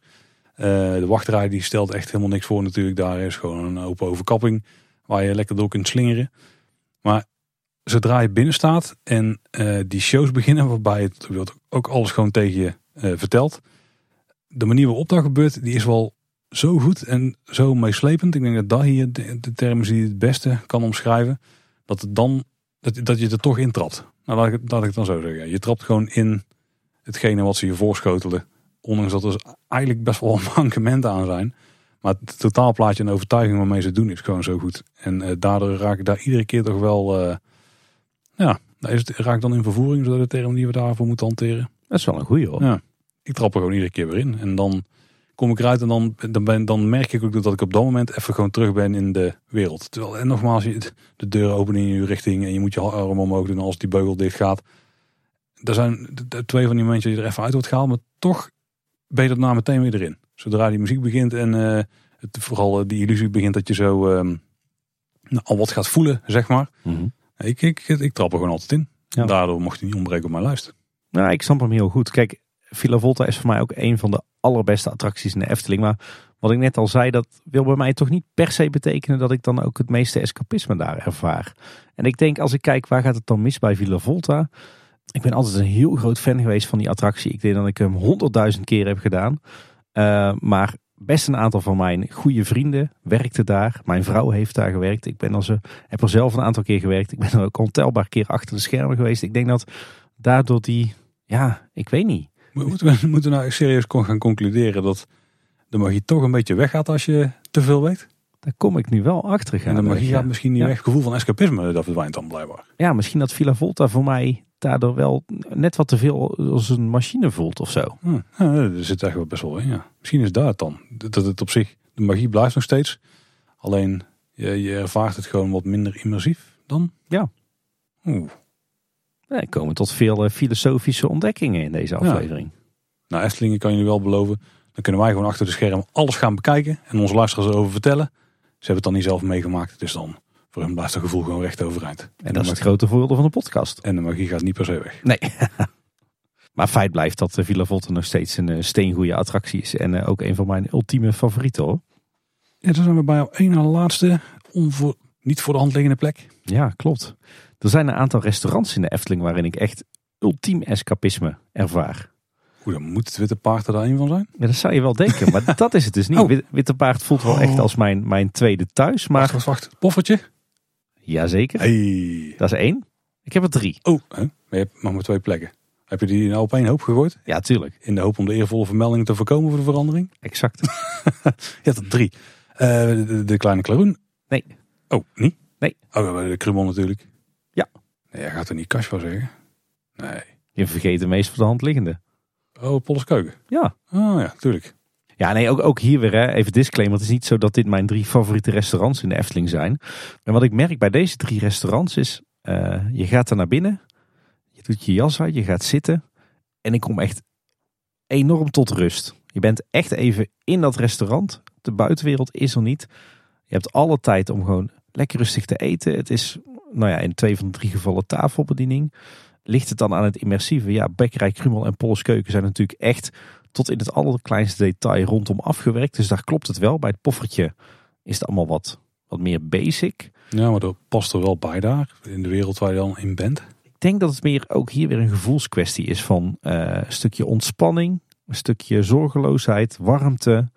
Uh, even de tijd hebben om gewoon lekker te eten met uh, gezelschap. Even lekker zitten, de, de luxe. Uh, ik weet niet wat het is, maar als ik bij deze drie restaurants ga zitten om wat te drinken of te eten, dan kom ik echt gewoon even tot rust. En dit zijn ook echt plekken waar ik met goed gezelschap echt makkelijk twee uur zou kunnen zitten. Lekker kletsen. Nou, ik zo bezig ben, denk ik dat ik dat, dat gevoel ook exact heb bij de, de bar van, het, uh, van de stoomcarousel. Echt van die plekken waar je gewoon echt even lekker kunt zitten, ontspannen. Helemaal tot rust kunt komen. Ja, dat, ja, dat geldt wel echt voor deze plekken. Waar, waar hè, want jij je zei net Witte Paard, terecht. Uh, denk ik, want ja, Witte Paard is denk ik mijn, uh, mijn ultieme tweede thuis qua restaurants. Ja, maar daar heb je dan toch, dat is dan toch, het is druk, het is rommelig, het is muf, het is chaotisch. Uh, ja, en dat heb je niet bij deze drie restaurants. Hm. Ik, ik noemde ook nog de kleine klaroen, maar ik besef me net dat... eh, ik denk dat er, dat er ook een ruwe diamant is, joh. Ik zit me net te beseffen dat als je daar binnenkomt, dan word je net niet helemaal meegevoerd. Omdat er net iets te moderne vitrine staat waar gewoon alles in gepresenteerd wordt. En dat er best wel hardware nog eh, te zien is achter de balie, zeg maar.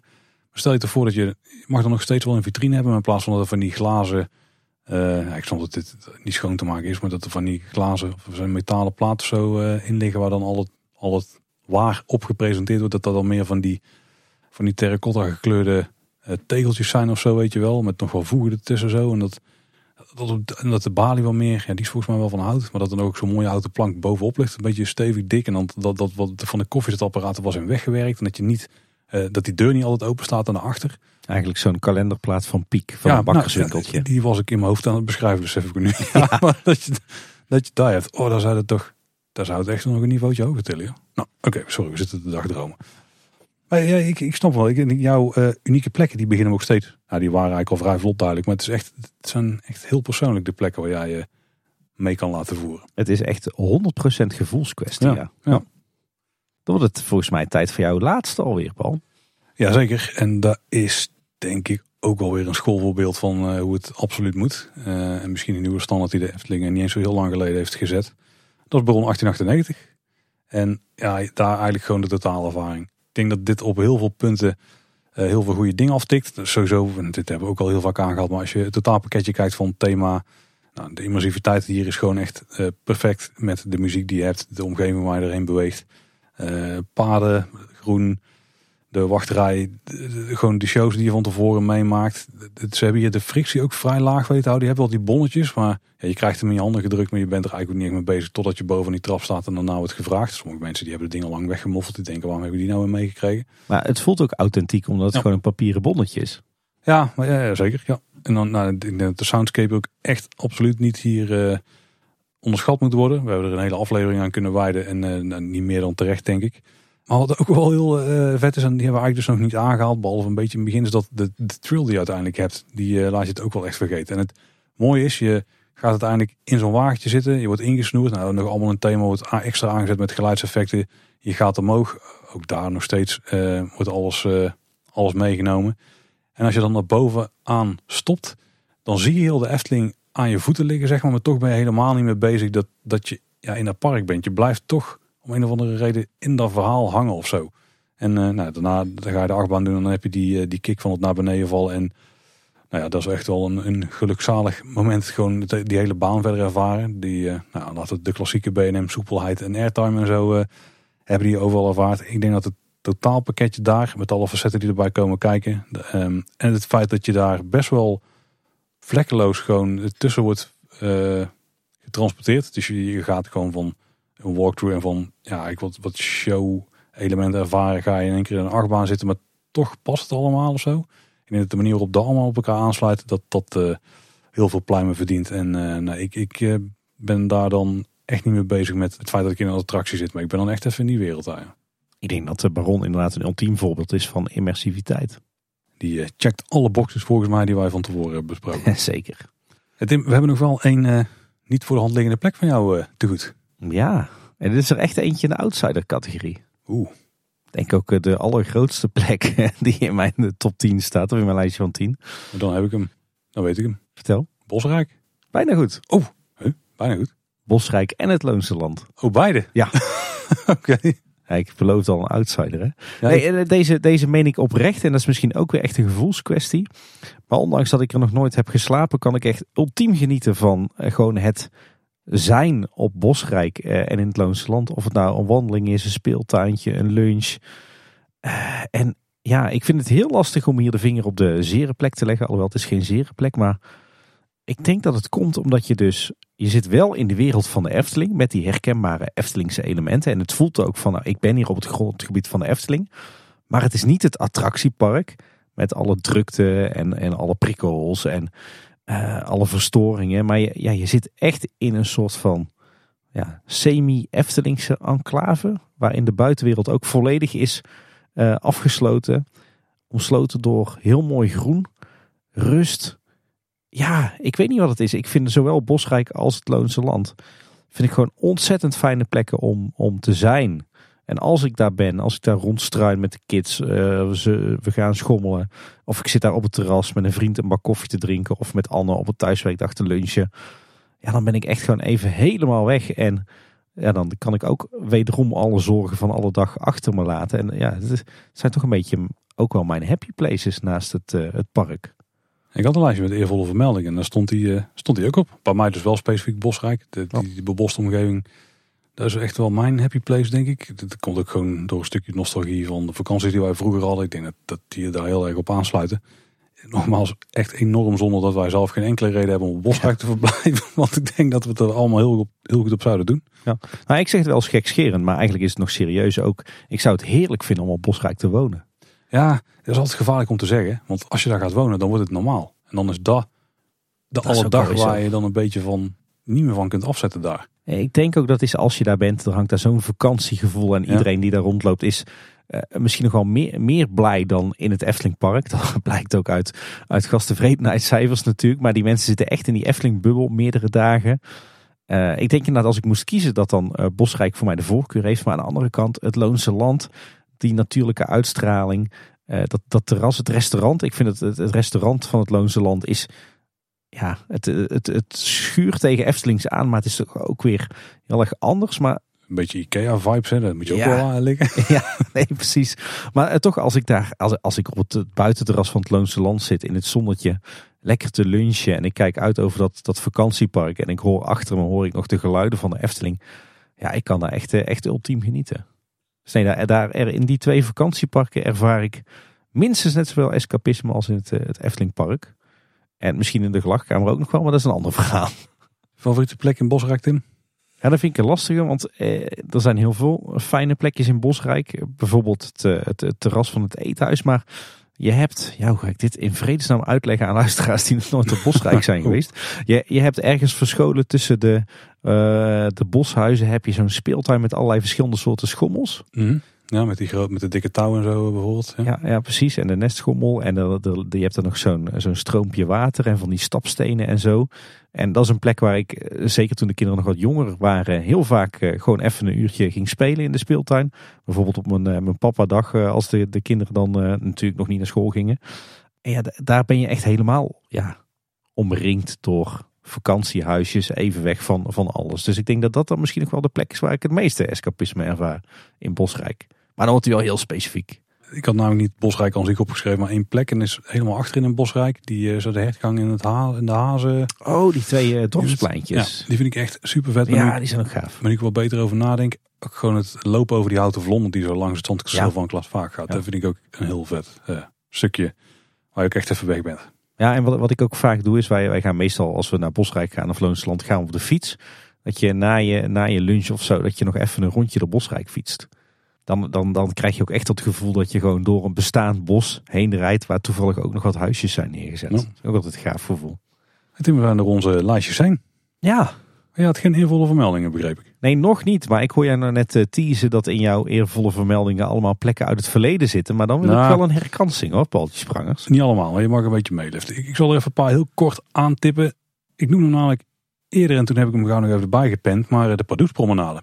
En is eigenlijk het moment dat je die gewoon oploopt vanaf ja, vroeger de spoorwegovergang richting het Fabula Wereldrestaurant. En dan ook vooral de bocht daarna eh, richting het, uh, het plein ja, waar je vroeger dus richting Spookslot kon. Dat, dat, is gewoon het moment dat ik echt in de Efteling ben. Zeg maar. Meestal ook de route die wij nemen, uh, die kant het park in. En ik denk dat daar gewoon het feit dat je daar zo vaak hebt gedaan, dat daar een eentje is dat ik meteen in die Efteling sfeer ben. Want het dwarrelplein had er dan niet echt vroeger. Nou, die, dat grasveldje waar wij nog wel eens onze podcast opnamen, dat is ook wel zo'n plekje vind ik hoor. Ja, dat begon zijn charme wel te krijgen. En toen was het in één keer afgezet en weg. ja, precies. en uh, een andere die ook nog gewoon bestaat, uh, is het Frikandellentheater. Vind ik ook wel echt een, een plekje waar, uh, als je daar gaat zitten, dan ben je ook gewoon even echt weg uit, ja, uit alle dag. Ook een beetje surrealistisch met die, die rechtopstaande stukken stenen en zo natuurlijk. Maar de, de, de geuzennaam ook op gebaseerd is. Voor iedereen die trouwens niet weet wat het is. Als je de stenen brug overgaat, die achter Symbolica ligt. En dan kun je daarna rechts kun je zo'n sluippaadje in. En dan kom je bij een lichttheater. Nou, als je door de oogharen kijkt, een soort van theateropstelling van stenen blokken waar je op kunt gaan zitten. Met wat eh, rechtopstaande stenen blokken die dan, eh, als je ook door je oogharen kijkt, eh, op staande frikandellen lijken. ja, het is een soort, een soort amfitheatertje eigenlijk. Hè? En dan zie je af en toe de bossen zie je zo'n bootje voorbij komen glijden. En eigenlijk ben je ook best wel afgesloten van de rest van de Efteling. Wel een, een mooi geïsoleerd stukje in het, uh, in het park. Daar heb ik dan denk ik uh, meer op een plek hier, hier heel vlakbij. Uh, eigenlijk gespiegeld ten opzichte van het Frikandellentheater. En dat is dat, dat grasveldje waar de wensbrand ook in staat. Ja, ja, dus als je daar lekker in het gras gaat zitten en je kijkt zo uit over de gondolettervijver. Dat is ook altijd zo'n zo'n gelukzalig plekje in de Efteling. Op een warme dag ook echt een goede plek om even te gaan zitten. Ja. Dan heb je mooi wat schaduw van die bomen. Ja, goeie. Het alleen niet bang zijn voor ganzenpoep. Nee, moet je wel een beetje opletten, ja. En dan heb ik er nog twee en die, uh, nou, eentje daarvan die ligt er nog steeds, maar die kun je niet helemaal meer ervaren zoals de bedoeling is. En dat is de wachtrij van Fabula.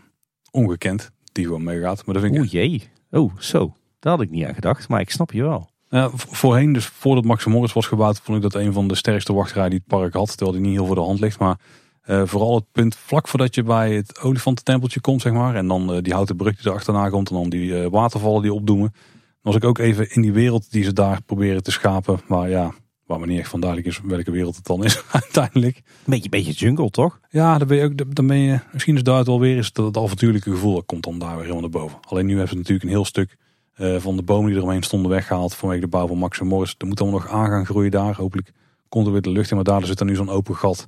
En zie je ook zo'n stuk schutting en zo staan. Dat is dan niet zo chic. Maar voorheen vond ik dan een heel sterk stuk. En eentje die we absoluut niet onvermeld mogen laten is het heksenpad. En ik weet niet in welke ah, vorm. Tuurlijk, oh, dat ik die over het hoofd heb gezien. Ja, hij ligt er niet meer, Tim. Dus je, tenminste, het ligt er nog, maar we weten niet in welke vorm. We weten ook niet hoe het terugkomt. Maar de oude vorm van het heksenpad was ook zo'n, ook weer zo'n ontdekstukje uh, binnen het park.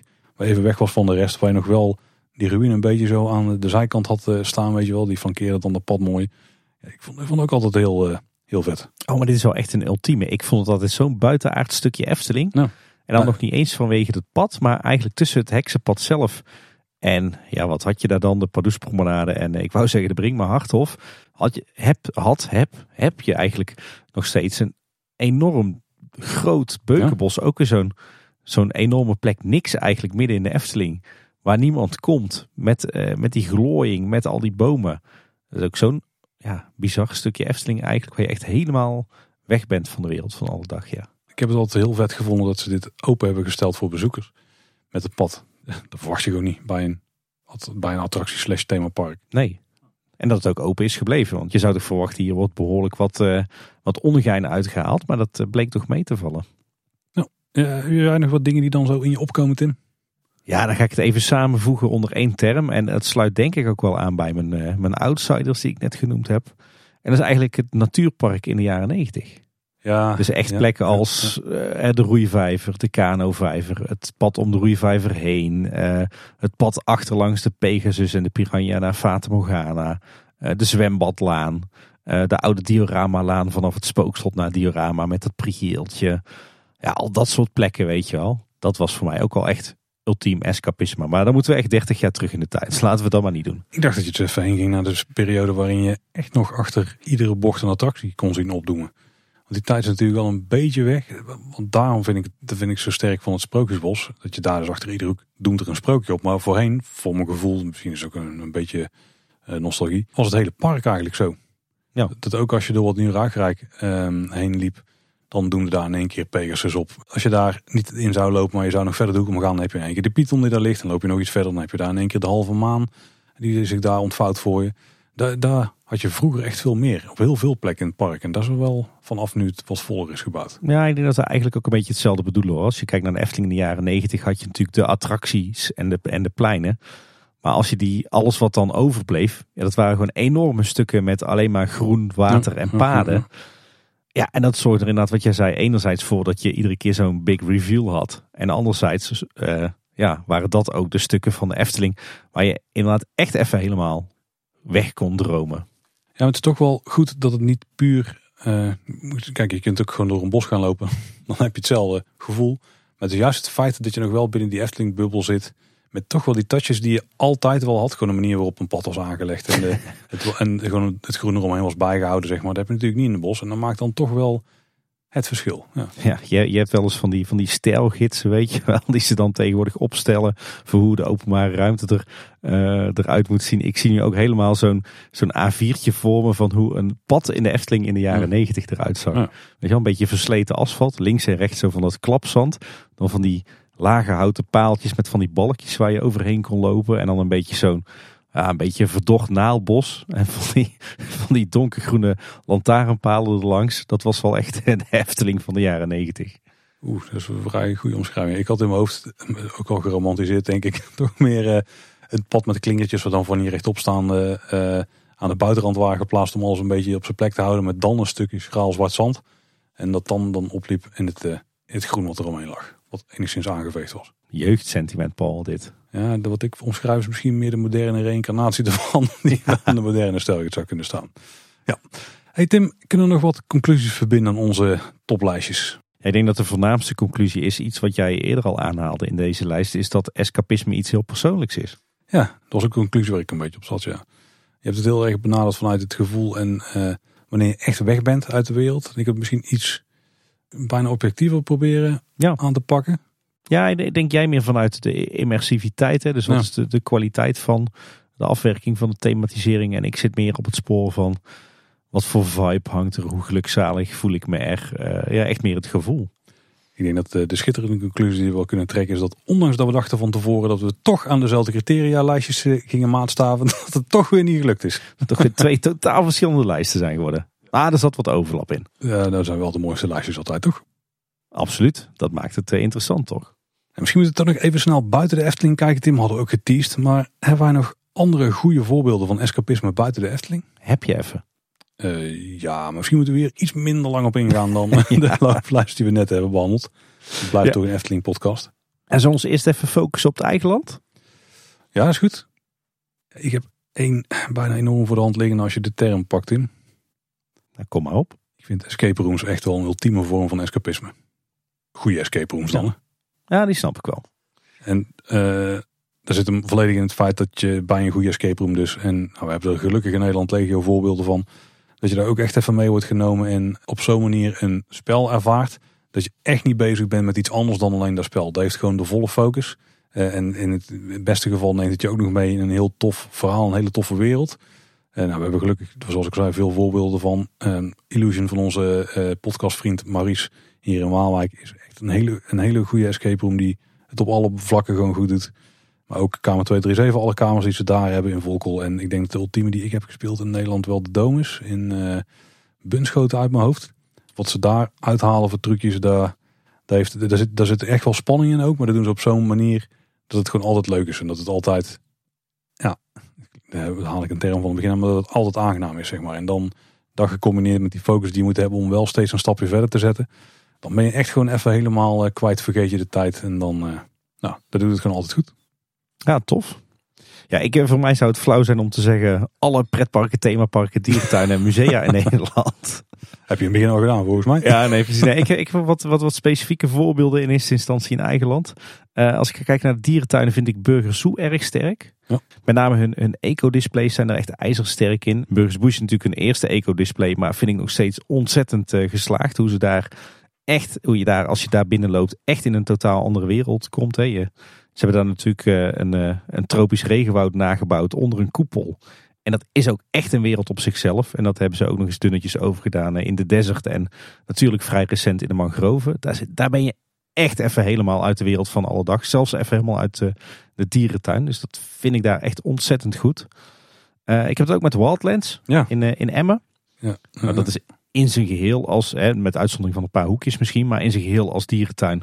Ja, daar loop je gewoon echt in een totaal andere wereld rond. Dat hebben ze daar ontzettend goed gedaan. En ik heb toch ook wel een beetje in de Beekse Bergen. Het is nou niet bepaald uh, immersief gethematiseerd. Maar toch, als je daar eenmaal binnen bent en je hebt de auto geparkeerd en je gaat over die wandelsafari lopen, dan, ja, dan ben je echt even in een totaal andere wereld waarin ja, de buitenwereld niet meespeelt. En dat komt dan misschien daar juist vanwege die enorme uitgestrektheid en het groen en ja, en misschien ook, ook hier ook wel een stukje uh, gevoel. Want ik ben natuurlijk jarenlang abonnementhouder geweest van Safari Park Beekse Bergen. En dan heb je daar ook wel een connectie mee. Maar ja, daar was ik ook altijd echt even helemaal weg van uh, de wereld van alle dag. Dan ga ik nog naar een andere, andere vormen van recreatie kijken. Dan heb ik dat gevoel ook absoluut. Nou ja, jij kan misschien wel raden, Paul, als we nog een beetje in het Arnhemse rond blijven hangen.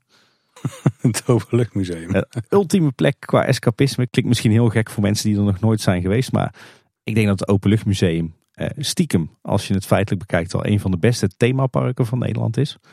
Ook Ja. echt een eh, ontzettend toffe wereld eh, op zich, die op zichzelf staat. Ja, en het mooie is natuurlijk dat je zou kunnen stellen, ja, dit is de echte wereld. Maar het is wel een geromantiseerde weergave van de echte wereld. Ze hebben de mooiste, tenminste de interessantste elementen eruit geplukt. En een hele hoop van de, hoe moeten we dat bestempelen? De, nou, de vervelendheden gewoon, die laten ze niet zo heel erg zien. Ja, de goede oude tijd, hè, als je het wil Dat samenvatten. is een hele goede samenvatting, ja. ja. En dat is ook echt een wereld waarin, eh, ja, waarin je niks meekrijgt van de buitenwereld als je daar binnen staat.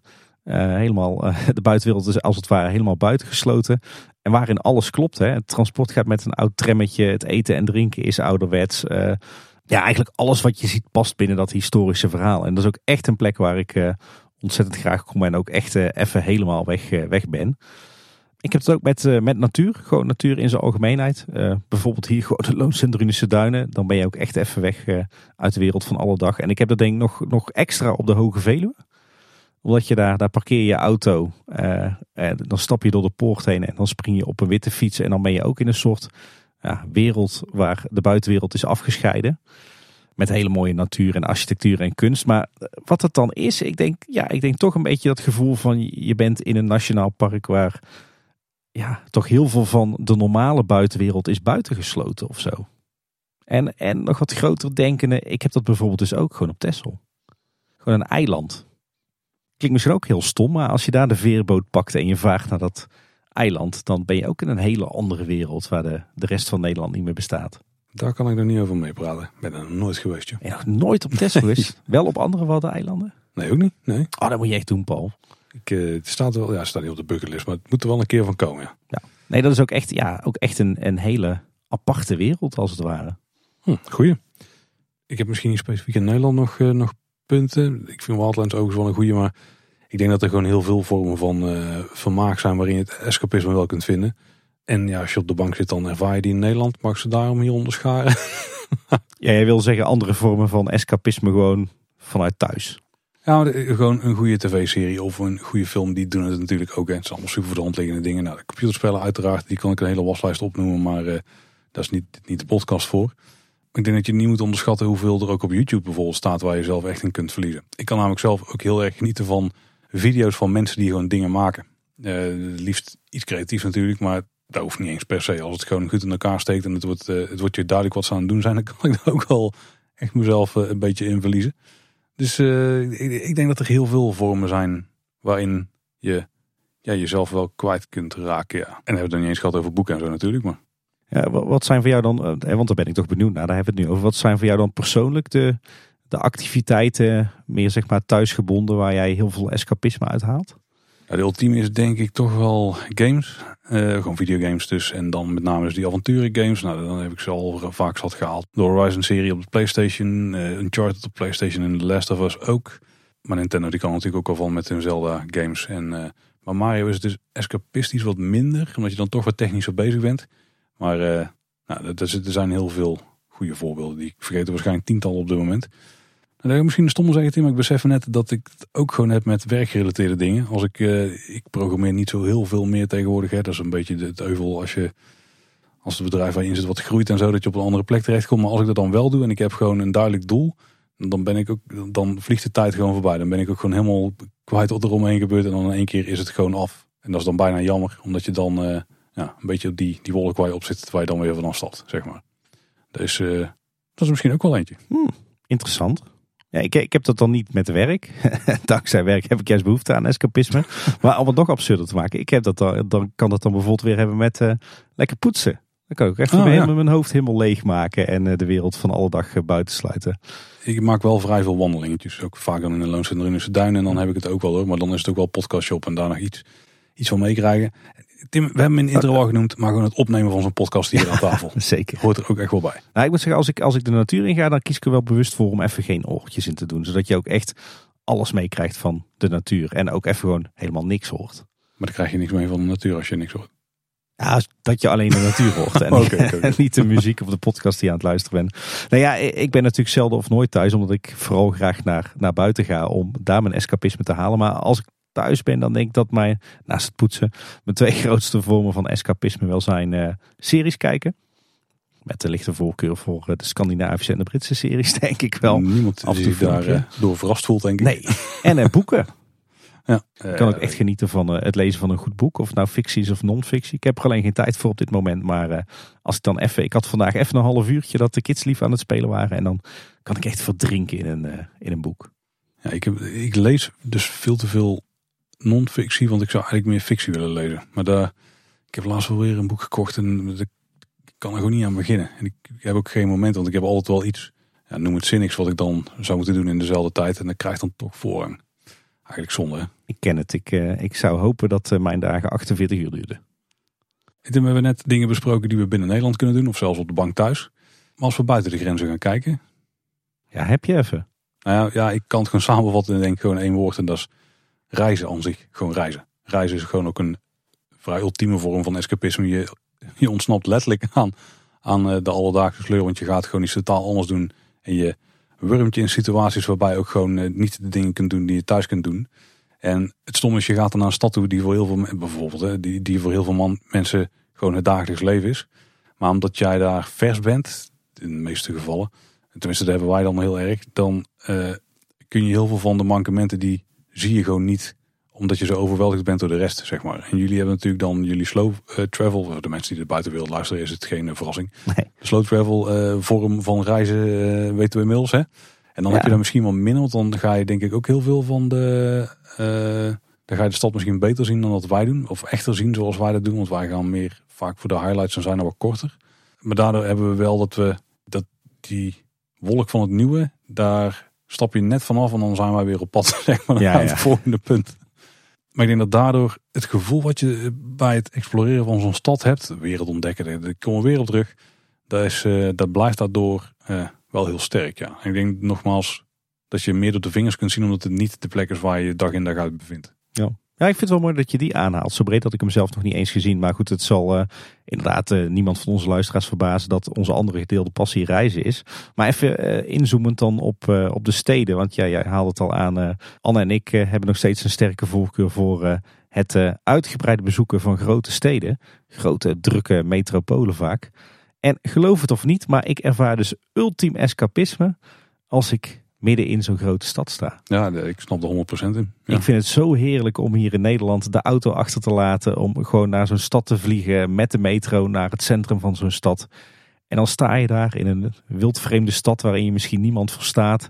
In de drukte tussen de trams en de auto's en, eh, en de, de mooie gebouwen, andere geuren, andere taal. Ja, ik kan daar zo, dan kom ik zo tot mezelf. Daar kan ik zo ontzettend van genieten. En dan lekker rondstruinen inderdaad eh, in het zonnetje of in de regen of in de sneeuw. Een terrasje pakken, met mensen in gesprek raken, eh, de metro pakken. Ja, dat, dat is voor mij eh, ultiem escapisme. Het, het bezoeken van grote steden eigenlijk over de hele wereld. En als we dan toch weer terugvouwen naar het onderwerp van deze aflevering. Ik denk dat dat dus is wat je in de Efteling dus ook ultiem kunt doen. Je kunt echt even naar die andere wereld gaan. Naar die andere, noem een stad. Eh, met die andere geuren, kleuren, ervaring die je daar hebt. Eigenlijk hebben we daar gewoon hier om de hoek ook, ook liggen. Al zijn we er zo vaak geweest. Toch geef je er iedere keer weer aan over en blijft het iedere keer weer nieuw. Maar het een sluit het andere niet uit hè. Absoluut niet. prima Nee, te nee. combineren. Het is wel lastig om in het buitenland naar de Efteling te gaan. Maar Ja, je kunt wel in het buitenland naar een soort Efteling gaan. mm, soort. Ja. Door de oogharen. Ja, ja. Ja, precies. Hey, ik had nog wel een paar, een paar andere voorbeeldjes van eh, ultiem escapisme in themaparken eh, buiten Nederland. Eh, misschien dat jij dan ook, ook nogal wat aanvullingen hebt. Ik, ik ervaar escapisme ontzettend eh, op sommige plekken in Disneyland Parijs. In het Mhm. kasteelpark. Eh, je kunt van alles vinden over personeel en eten en wachttijden en weet ik het allemaal. Maar het is natuurlijk uiteindelijk een prachtig ontworpen en uitgevoerd park. En ik heb dat met name in drie parkdelen. Dat is meteen twee, twee derde van het park. Maar ik heb dat heel erg in Main Street USA. En ook in Frontierland en Adventureland. En dan die laatste twee vooral in het donker. Eh, ja, nou, maar, ja, ik snap precies wat je bedoelt. En het is, nou, is later in de aflevering, maar we halen meteen weer een interessant punt aan. Je hebt het binnen bij Fantasyland dan, hè? Zeker. Eh, Omdat het wat neppiger voelt of zo. Ja, en ook met Discoveryland. Ja, nou bij Discoveryland, die zou, ik denk dat Fantasyland bij mij op de laatste plek zou staan. Dat ik het daar het minst ervaar. Ja. Bij eh, Discoveryland al wat meer, omdat het, er klopt wel iets meer. Maar ja, dan, er zitten ook wat dingen bij die niet kloppen. Het is ook iets te stenig of zo, of iets te... Ja, er zit net iets niet helemaal lekker of zo in het ontwerp. Met zo'n weggemoffeld stukje Star Wars er bijvoorbeeld achterin. Nou, voelt, voelt een beetje vreemd, maar bij, ik, heb op, ik heb het op precies hetzelfde punt als wat jij het hebt. Ja. ja. Smaken die uh, liggen ook niet zo heel ver van elkaar. nee, precies. Ik besef me nu wel dat we nu bij de Efteling vergeten zijn om te vermelden de Efteling in het donker. Ja, natuurlijk. Spreekt voor zich. Ja. Al die plekken die we hebben genoemd. Ook binnen de attractiestim in het donker zijn ze vaak nog net wat chiquer. Ik weet nog wel mijn ultieme escapisme ervaring in Disneyland Parijs. Uh, wij waren daar op een gegeven moment met een groep van, nou ik denk acht vrienden. Dus dan hebben we het echt over tien jaar geleden. En het was s'avonds laat en er wilden, er een aantal, uh, wilden nog een aantal rondjes gaan aftikken in Big Thunder Mountain. Er waren er een aantal die wilden per se, ik geloof dat het toen Dreams was, zien. En ik dacht, ik heb eigenlijk in allebei geen zin. Dus ik zeg, gaan jullie allemaal maar lekker. En wat ik heb gedaan is echt gewoon twee uur lang in mijn eentje met mijn camera door Frontierland en Adventureland gestruind. En dat was zo ontzettend fijn. Dat was echt fantastisch. Ja, dat moet ik eigenlijk ook nog een keer doen. Ja. Ik, ik, ik neem dan nooit genoeg de tijd om daar eens goed rond te kijken. Dat is eigenlijk zonde. Dan droom je echt weg in een andere wereld. Hey, ik heb het ook eh, op een aantal plekken in Fantasialand. Zal je ook wel niks verbazen, want het is natuurlijk ook een van mijn favorieten hier in Europa. Ik heb het wel een beetje in Alt-Berlin, de, de oude Main Street eigenlijk van het park. Uh, absoluut in uh, Rookburg. Natuurlijk het, uh, het nieuwe gedeelte waar de achtbaan Fly in gelegen is. Wat echt ook een bizar themagebied is wat helemaal af is. maar ook al een beetje bijvoorbeeld in Deep in Africa. Het gebied rond, rond Black Mamba. En Mexico eigenlijk ook. Dus Fantasia doet dat ook heel erg goed. Paradisa, als we het over dierentuinen hebben. Ja, dat is een goeie. Heb je natuurlijk ook van A tot Z uh, escapisme. Alhoewel ik me daar dan weer het meest gelukkig voel uh, rond die oude afgebrokkelde abdij.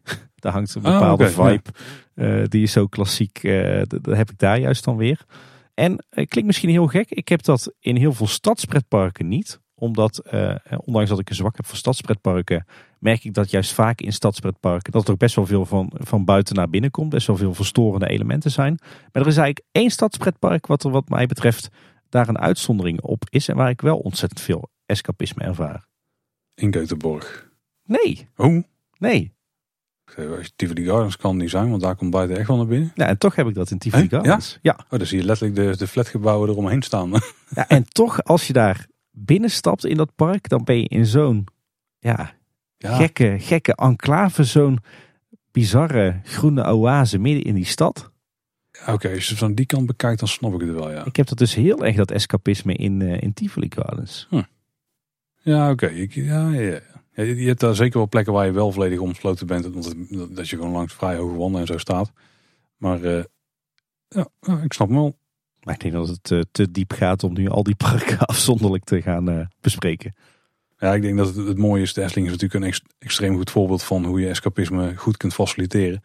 Maar er zijn heel veel pretparken en vooral themaparken in de wereld die dat ook prima doen. Hè. Puy de Fou schijnt er ook heel goed in te zijn bijvoorbeeld. Ja, alleen dan word ik wel afgeleid continu dat ze daar shows aan het opvoeren zijn en zo. Maar dat terzijde. dat is al een beetje de basis, ja. nee, maar uiteraard de usual suspects zoals Universal en Disney kunnen natuurlijk ook enorm goed. Waarbij die Universal parken er steeds, steeds meer aan gaan doen om het ook lekker immersief te laten, laten zijn. In plaats van dat ze net doen dat ze je op een filmset uh, hebben rondlopen. Oh ja, ik zit ineens terug te denken aan onze Hongkong vakantie. Maar Hongkong Disneyland was ook al goed in het escapisme. Dat, dat, denk ik ook wel, ja. en dan echt niet alleen vanwege een aantal attracties, maar juist ook vanwege de natuurlijke backdrop, zeg maar. Ja, dat is vet daar. Hè? Ja. We moeten het wel gaan afronden, Tim, want uh, we hebben er toch ontzettend lang over kunnen kletsen over een beetje escapisme. Over zoiets zweverigs als escapisme, ja. Nou, de meest filosofische aflevering van Kleine Boodschap. Tot nu toe. Zal ik die stempel maar van zolder drukken. dat was... die hebben wij deze gehad, denk ik. Ja, precies. Hey, even afrondend. Ja, wat mij betreft voor mij de belangrijkste conclusie van deze aflevering is dat ik echt een extreme verslaving heb, fysiek en mentaal, aan escapisme. Ja, ik denk dat de conclusie die ik van tevoren me niet echt beseft is dat het, uh, dat het misschien onbewust het ultieme doel is wat heel veel organisaties nastreven. Maar ik denk dat ze er echt niet bewust mee bezig zijn dat dat erachter ligt. Ik ben eigenlijk wel blij met deze aflevering. Want wij krijgen, wij, Anne en ik en de kids, wij zijn natuurlijk altijd op pad. Wij krijgen heel vaak de vraag van mensen van waarom zijn je nou altijd weg? Uh, waarom heb je geen aard thuis? Nou, dat is totale onzin. Maar nu kan ik het gewoon met uh, dit begrip, deze aflevering onderbouwen. Ja, als je even een dikke twee uur hebt, dan kan ik het jou hard van uitleggen. Ik, zeg gewoon, we hebben gewoon een enorme hang naar escapisme. Dat is exact wat het is, ja. Maar daar hoefden we deze aflevering niet voor te maken om dat eh, te concluderen, gok ik. Toch leuk.